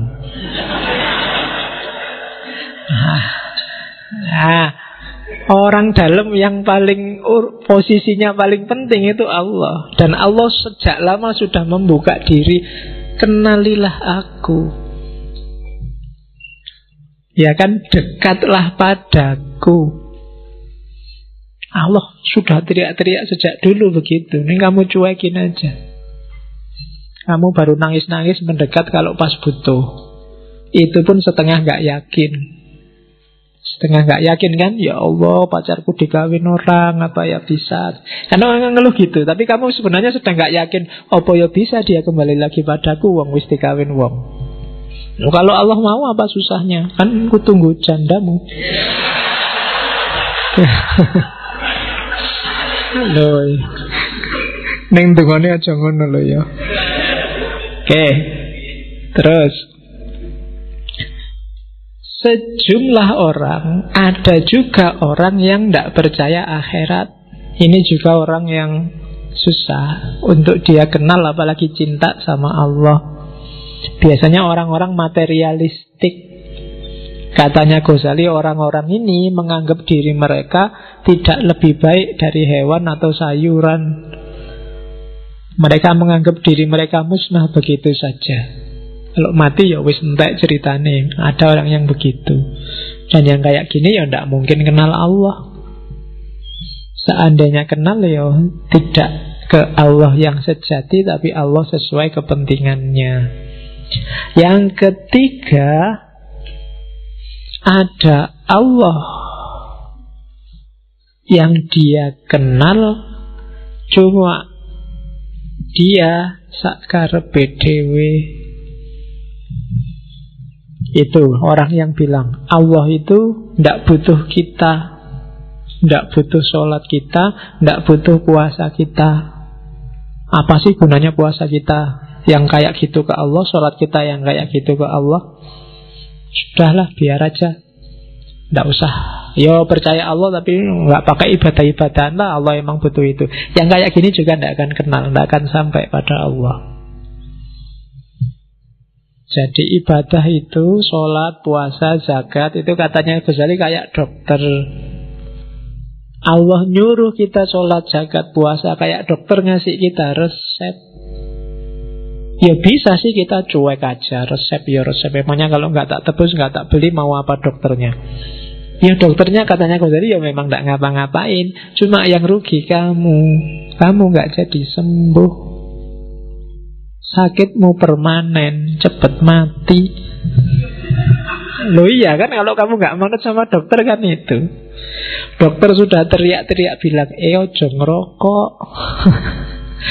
Contohnya rokok emang keretis itu hati-hati jantungmu misalnya Allah sejak dulu ngerokok juga ndak apa-apa Terserah dokter mau ngomong apa Ya dokternya nggak kena efek apa-apa Ya yang batuk juga kamu bukan dokternya Yang merokok membunuhmu itu kan di covernya rokok itu ya dirimu bukan yang lain Nah itu analoginya Ghazali Oke Makanya kalau merokok yang ikhlas Ya, jadi maksudnya ikhlas ya Allah apa pun dampaknya aku ikhlas. Biar nggak jadi pikiran. Oke. Terus ada kelompok keempat. Ini biasanya kadang-kadang dipakai pada kelompok liberal yang agak ekstrim. Jadi dia bilang biasanya alasannya HAM atau kemanusiaan. Ya kan? Misalnya itu kan Masa syariat nyuruh kita menahan amarah, nahan syahwat, nahan munafik Loh, syahwat itu kan alami Amarah itu kan natural Boleh dong orang marah Seks itu kan dorongan alamiah.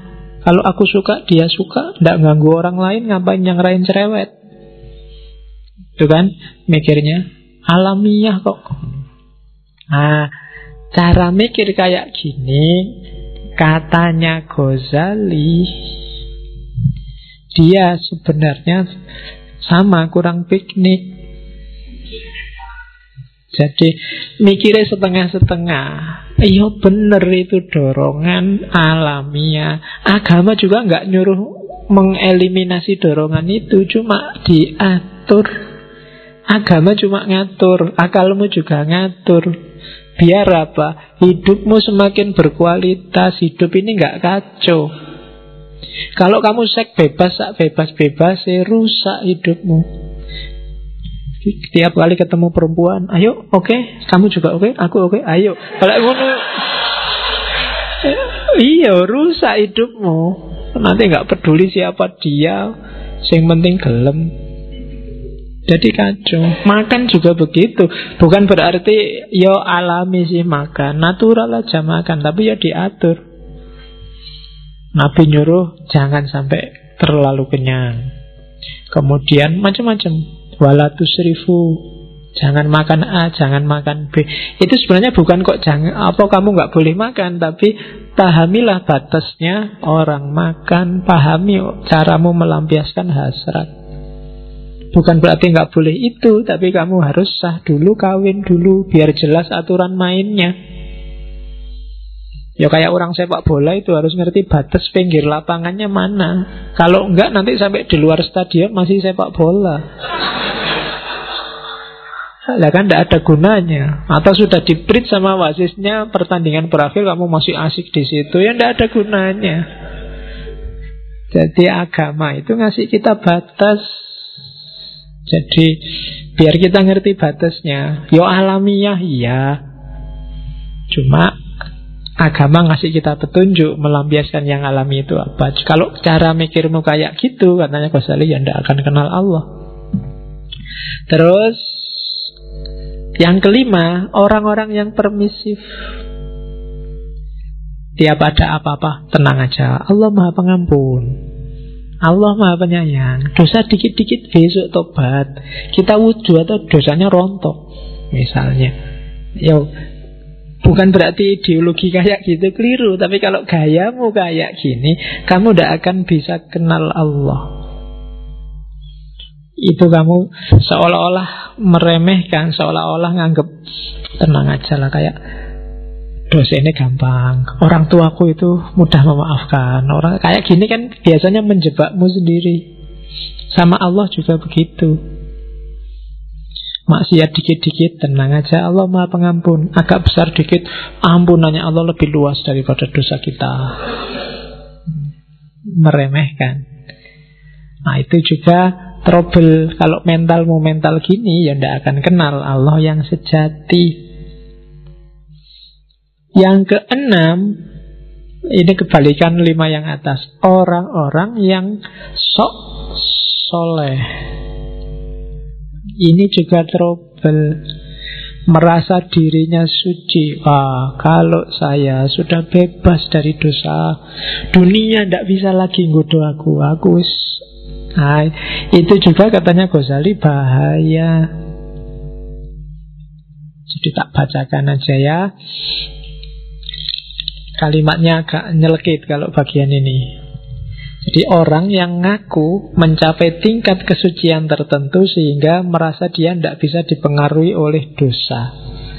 Katanya Ghazali, namun kenyataannya saat orang lain memperlakukan mereka secara tidak hormat saja, mereka akan dendam bertahun-tahun. Terus jika ada di antara mereka yang tidak mendapatkan sebutir makanan yang menurutnya adalah haknya, maka seluruh dunia rasanya sempit ya, dan gelap. Pokoknya nesu-nesu merasa haknya dirampok. Katanya Ghazali, mereka ini, para mistikus palsu ini, kadang-kadang berpura-pura tenggelam dalam samudra ketakjuban. Tetapi jika kau tanyakan pada mereka apa yang mereka takjubkan, mereka tidak mengetahuinya. Jadi tiap hari dia merasa, wow, luar biasa Allah itu, luar biasa. Tapi dia wownya yang luar biasa. Kalau ditanyain yang diwaukan itu apa sih? Tidak tahu. Pokoknya wow aja. Ah, itu juga trouble katanya Ghazali. Ya tidak kenal Allah kalau ya gitu. Kalau bahasa hari ini mungkin lebay. Lebay ah. Allah nggak segitunya kok. Nggak usah kaget kayak baru kenal Allah kemarin.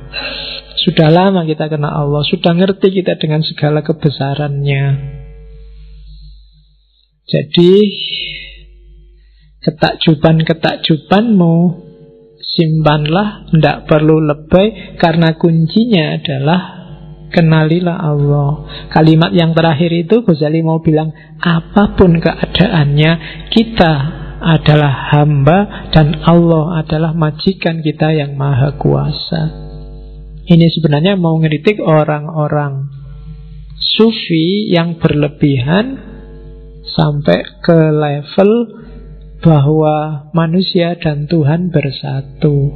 Ini juga tidak akan kenal Allah Kalau jadi satu ya selesai Kenal itu kan ini aku, itu kamu, kenalilah aku, aku kenal dirimu. Itu kan kenal namanya. Makrifat itu aku tahu tentang kamu, sesuatu di luar diri kita. Kalau sufi yang agak berlebihan, tasawuf wahdatul wujud itikat hulul itu bisa menjebak orang bahwa manusia sama dengan Tuhan maka di kalimat terakhir Ghazali menegaskan ketahuilah ingatlah bahwa yang maha kuasa yang menciptakan dan kita adalah hamba yang diciptakan jadi sederhananya begitu. Tugas kita kenal. Paling puncak adalah ma'rifat. Bukan melenyapkan diri kita atau menganggap kita nggak ada yang ada hanya Allah atau apalagi kitalah Allah itu. Berarti tidak butuh kenal kalau hakikatnya sama.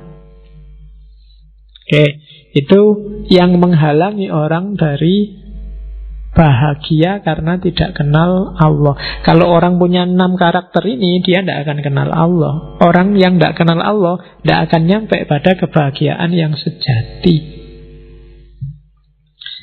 Terus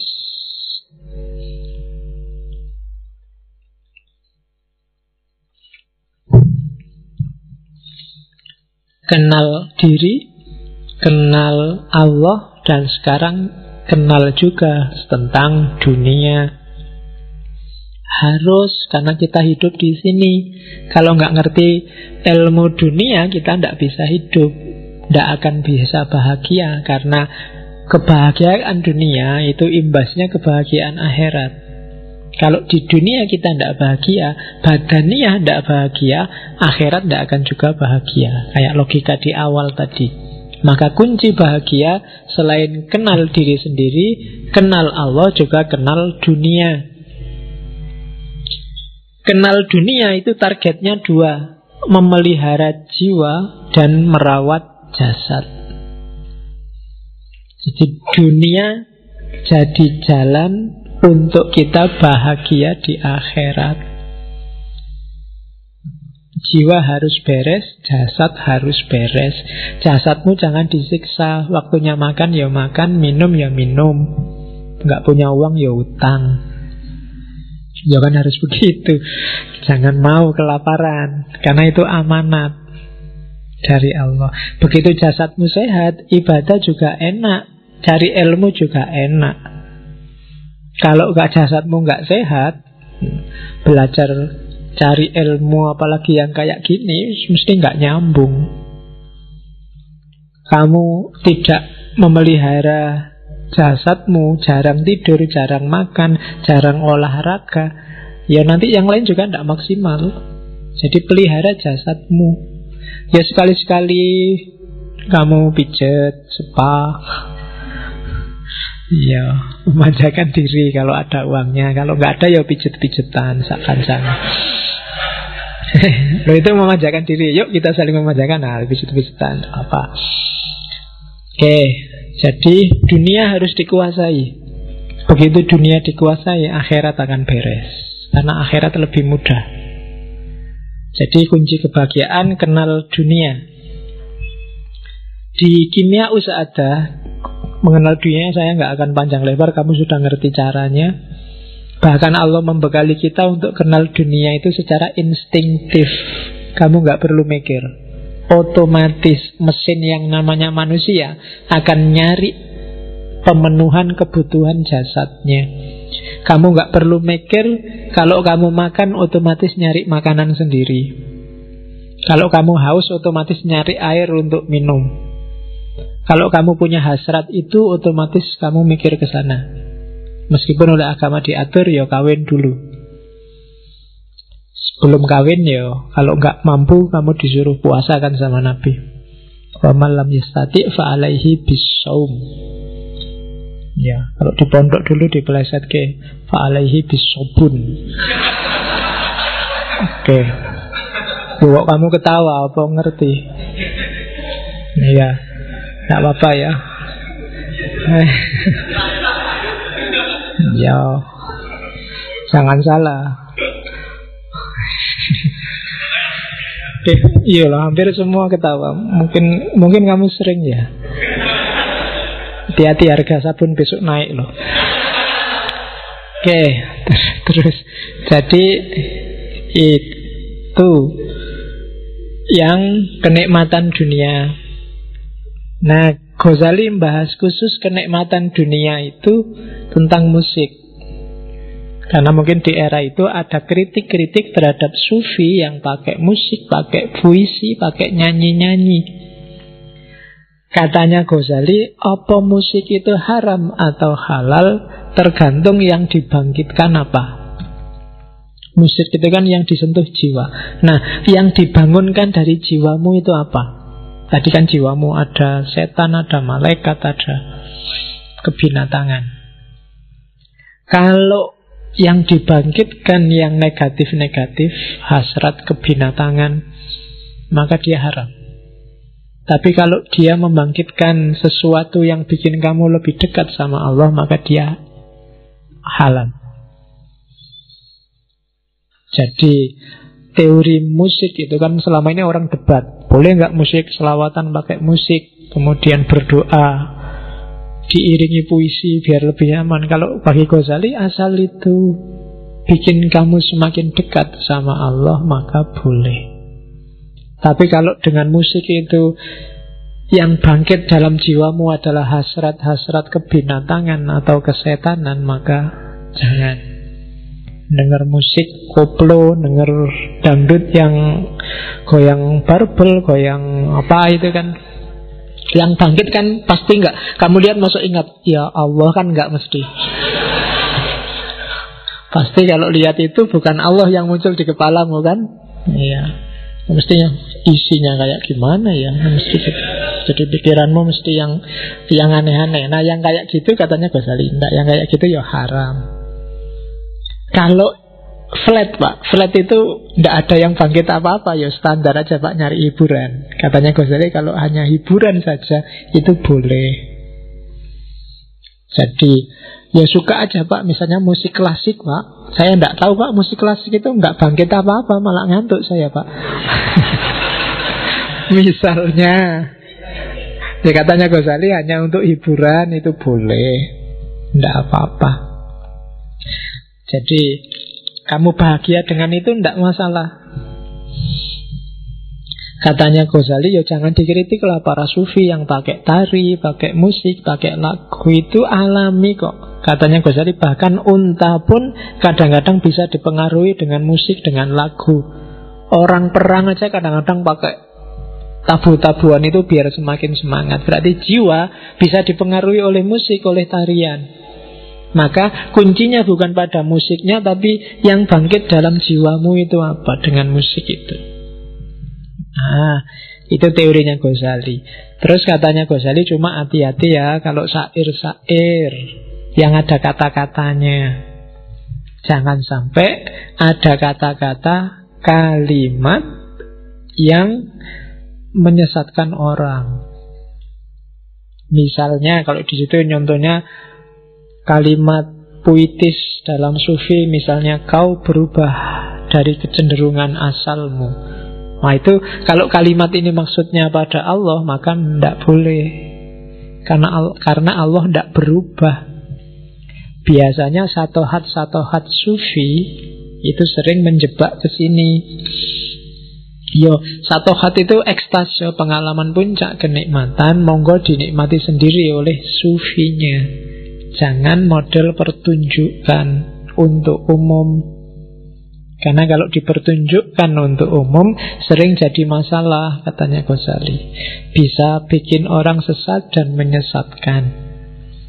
Maka musik boleh, tari-tarian boleh, diambil unsur hiburannya saja juga boleh. Cuma kalau ada kalimat-kalimat yang menjebak, hati-hati. Nah, itu teorinya Ghazali. Jadi tidak apa-apa kalian suka musik, suka selawatan, suka lagu dangdut atau lagu rock. Nah, yang tidak boleh lagu yang tidak pakai rock. So, ya kan, kalau nggak pakai rock ya jangan nanti gawat karena yang bangkit tidak cuma jempolnya tapi juga jempol yang lain ikut bangkit bisa gawat. Oke, Terus kejarlah juga kebahagiaan dalam muhasabah dan pikir di kimia ada. Muhasabah itu nikmat, kejarlah. Cobalah lakukan muhasabah bolak-balik sering saya sarankan, Mbok sekali-sekali tafakur muhasabah. Muhasabah itu menghisap dirimu sendiri sebelum besok kamu dihisap. Levelmu level mana? Syukur-syukur kamu jajal ya Satu bulan ini belilah buku Terus nyanyi malaikat roket sama atit Tulislah Kalau mau tidur Hari ini tadi kira-kira aku punya dosa apa ya Tulis Bisa. Itu itu bahan untuk muhasabah. Kok bisa ya aku memakai punya dosa kayak gitu ya? Jangan-jangan aku ini sudah itu. Tadi ngobrolku kebanyakan ya. Akhirnya salah ngomong Jangan-jangan temanku sakit hati ditulis. Ah tadi aku seharian nggak ngapa-ngapain Cuma ngurusi HP Terus mendelengi HP Terus ah, itu tulis Dan seterusnya. Itu muhasabah namanya. Itu yang tak tulis di situ. Contoh sampelnya muhasabah Dari kimia usaha Wahai jiwaku Tujuan hidupmu hanya satu. Meski sedetik Saat yang telah lewat Tak akan bisa dikembalikan. Karena dalam perbendaraan Allah Bagian nafasmu sudah ditentukan. Tak bisa ditambah atau dikurangi. Saat kehidupanmu telah berakhir, tak ada lagi laku batin yang dapat kau jalani. Karena itu, apa yang bisa kau kerjakan, kerjakanlah sekarang. Garaplah skripsimu, tesismu, tugasmu sekarang. Lelayo, waktunya nggak bisa balik. Jadi nggak bisa kamu nunggu 4 tahun kok terus ditulis lulus 2 tahun. Tetap ditulis 4 tahun, waktunya nggak bisa balik. Jadi kerjakanlah Perlakukanlah hari ini layaknya hidupmu telah habis dan hari yang akan kau jalani hanyalah bonus yang dianugerahkan Allah yang Maha Rohim. Jadi meskipun belum dapat surat peringatan, anggap saja sudah mau di DO. Jadi nggak rapi serius. Anggap aja waktumu hari ini itu sudah bonus. Harusnya kamu sudah selesai kemarin-kemarin. Nah itu muhasabahnya mahasiswa semester tua. Ya kamu hitung-hitung sendiri lah ya di, Dihisap sendiri dirinya. Kamu sudah bisa. Itu muhasabah. Kalau zikir katanya Ghazali ada dua jenis zikir. Yang pertama zikirnya para wali. Zikirnya para wali itu anytime, setiap detik, di mana pun, kapan pun Semua gerak tubuhnya adalah zikir. Tidak cuma mulutnya ada juga zikir ashabul yamin Zikir ashabul yamin itu kalau ingat ya zikir Kalau enggak ya lupa Tidak apa-apa Begitu ingat zikir lagi tapi terus sibuk apa, lupa lagi, ingat lagi, tidak apa-apa. Orang kayak gini masih sangat baik. Namanya ashabul yamin. Yang jelek adalah orang yang melupakan zikir atau secara sengaja memang tidak mau berzikir. Zikir itu nggak harus kamu patok sekian ribu kali dengan kalimat apa. Yang penting hatimu merasa bahwa ada Allah yang selalu mengawasimu, Allah yang hadir selalu dalam hidupmu, terus rasakan itu. Orang yang makomnya wali itu sudah merasa tiap hari jajar sama Allah. Jadi otomatis seluruh gerak tubuhnya itu gerak tubuh yang berzikir.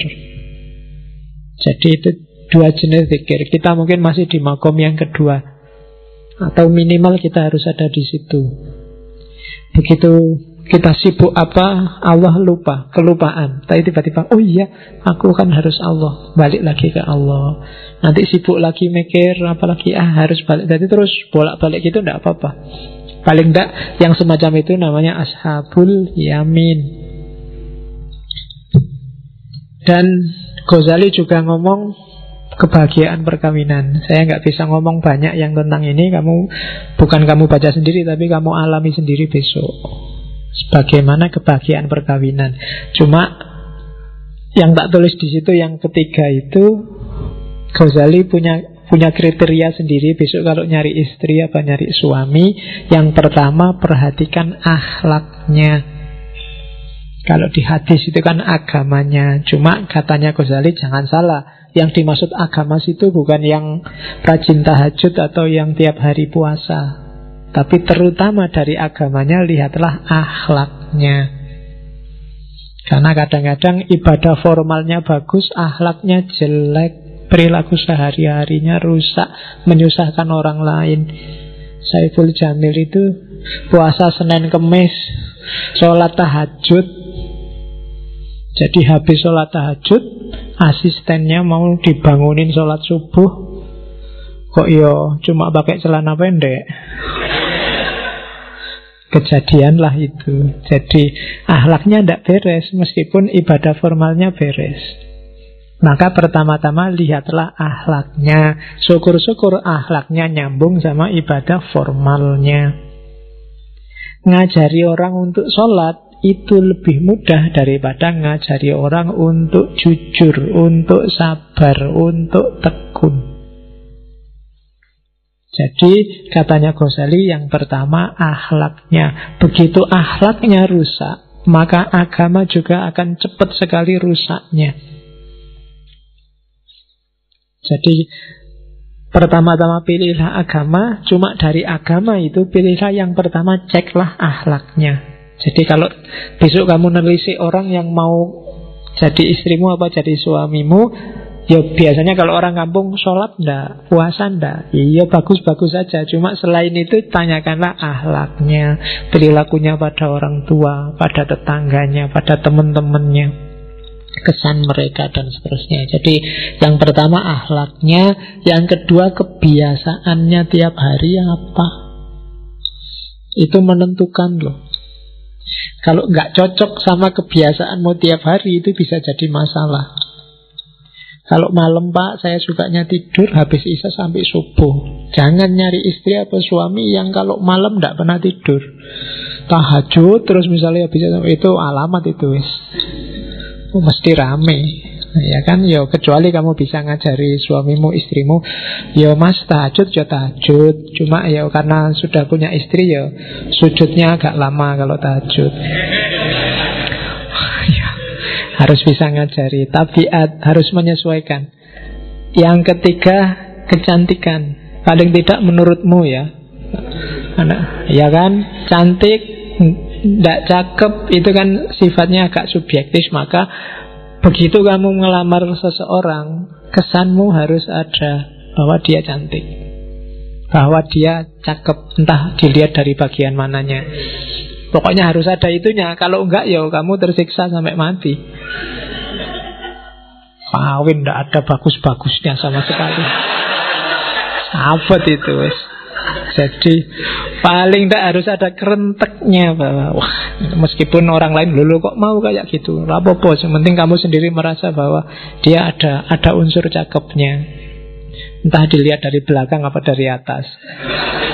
Oke, terus yang keempat sama Ghazali dibahas juga tuntutan mahar.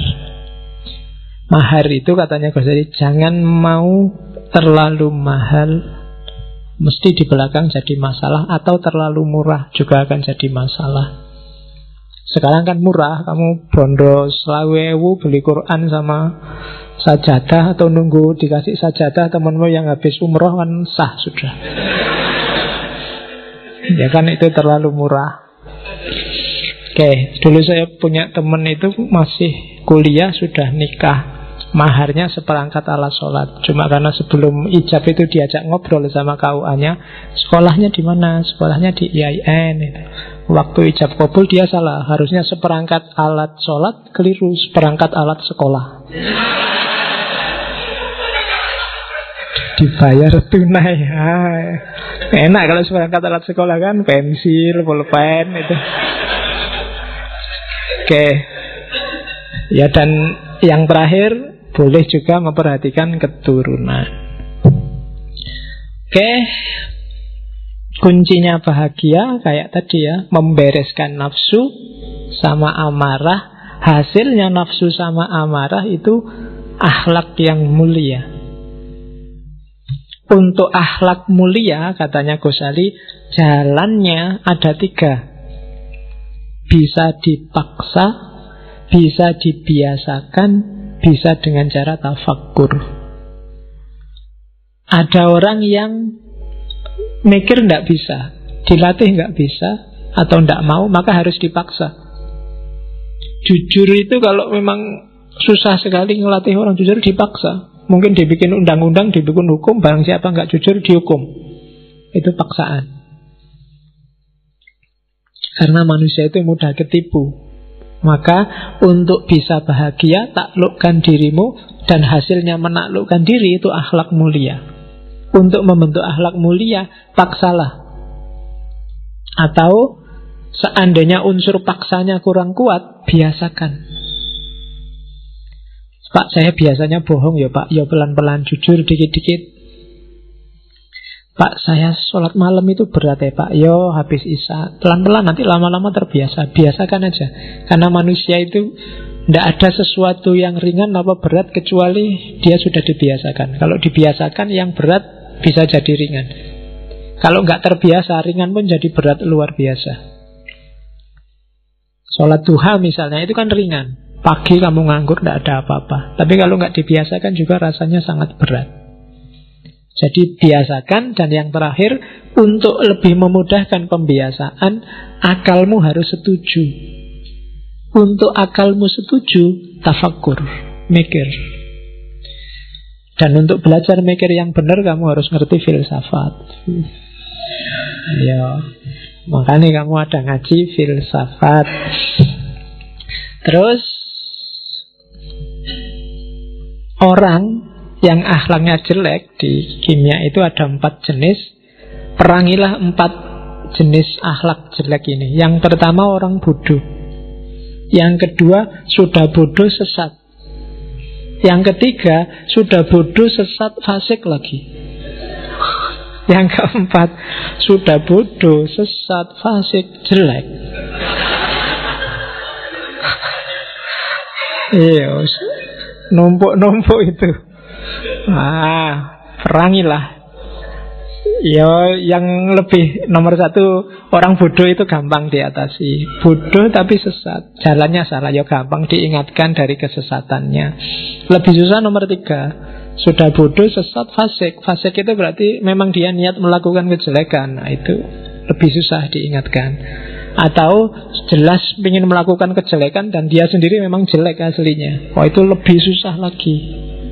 Jadi perangi empat hal ini. Jadi lawannya akhlakul karimah itu akhlakul madhumah. Akhlak madhumah itu empat karakternya ini. Dan ini trouble-nya katanya Ghazali. Setelah ini takluk Orang bisa masuk karena akhlakul karimah Dan akhlakul karimah itu kuncinya adalah menaklukkan diri sendiri. Kuncinya menaklukkan diri sendiri Kenali diri. Ya kayak tadi Kenali Allah Kenali duniamu Maka akhiratmu akan bahagia Nah itu kimia usa'ada dari Ghazali. Oke, sudah jam 10. Alhamdulillah Ghazali selesai. Insya Allah kapan-kapan kita lanjutkan Ghazali seperti saya bilang tadi dengan kitab-kitabnya yang lain. Minggu depan kebahagiaan kurang satu sesi lagi kita masuk ke Jawa. Kita ketemu dengan filsafat kebahagiaannya Ki Ageng Suryo Mentaram. Kalau Ki Ageng Suryo Mentaram memang dikenal dengan teorinya tentang bejo. Ah, iya. Kita minggu depan kita belajar bejo yang bukan karena tolak angin. Kita nyari bejo yang sejati. Oke. Okay? Saya kira itu. Kurang lebihnya mohon maaf. Wallahu a'lam bisawab Wallahul muwafiq Wal afu minkum. Wassalamualaikum warahmatullahi wabarakatuh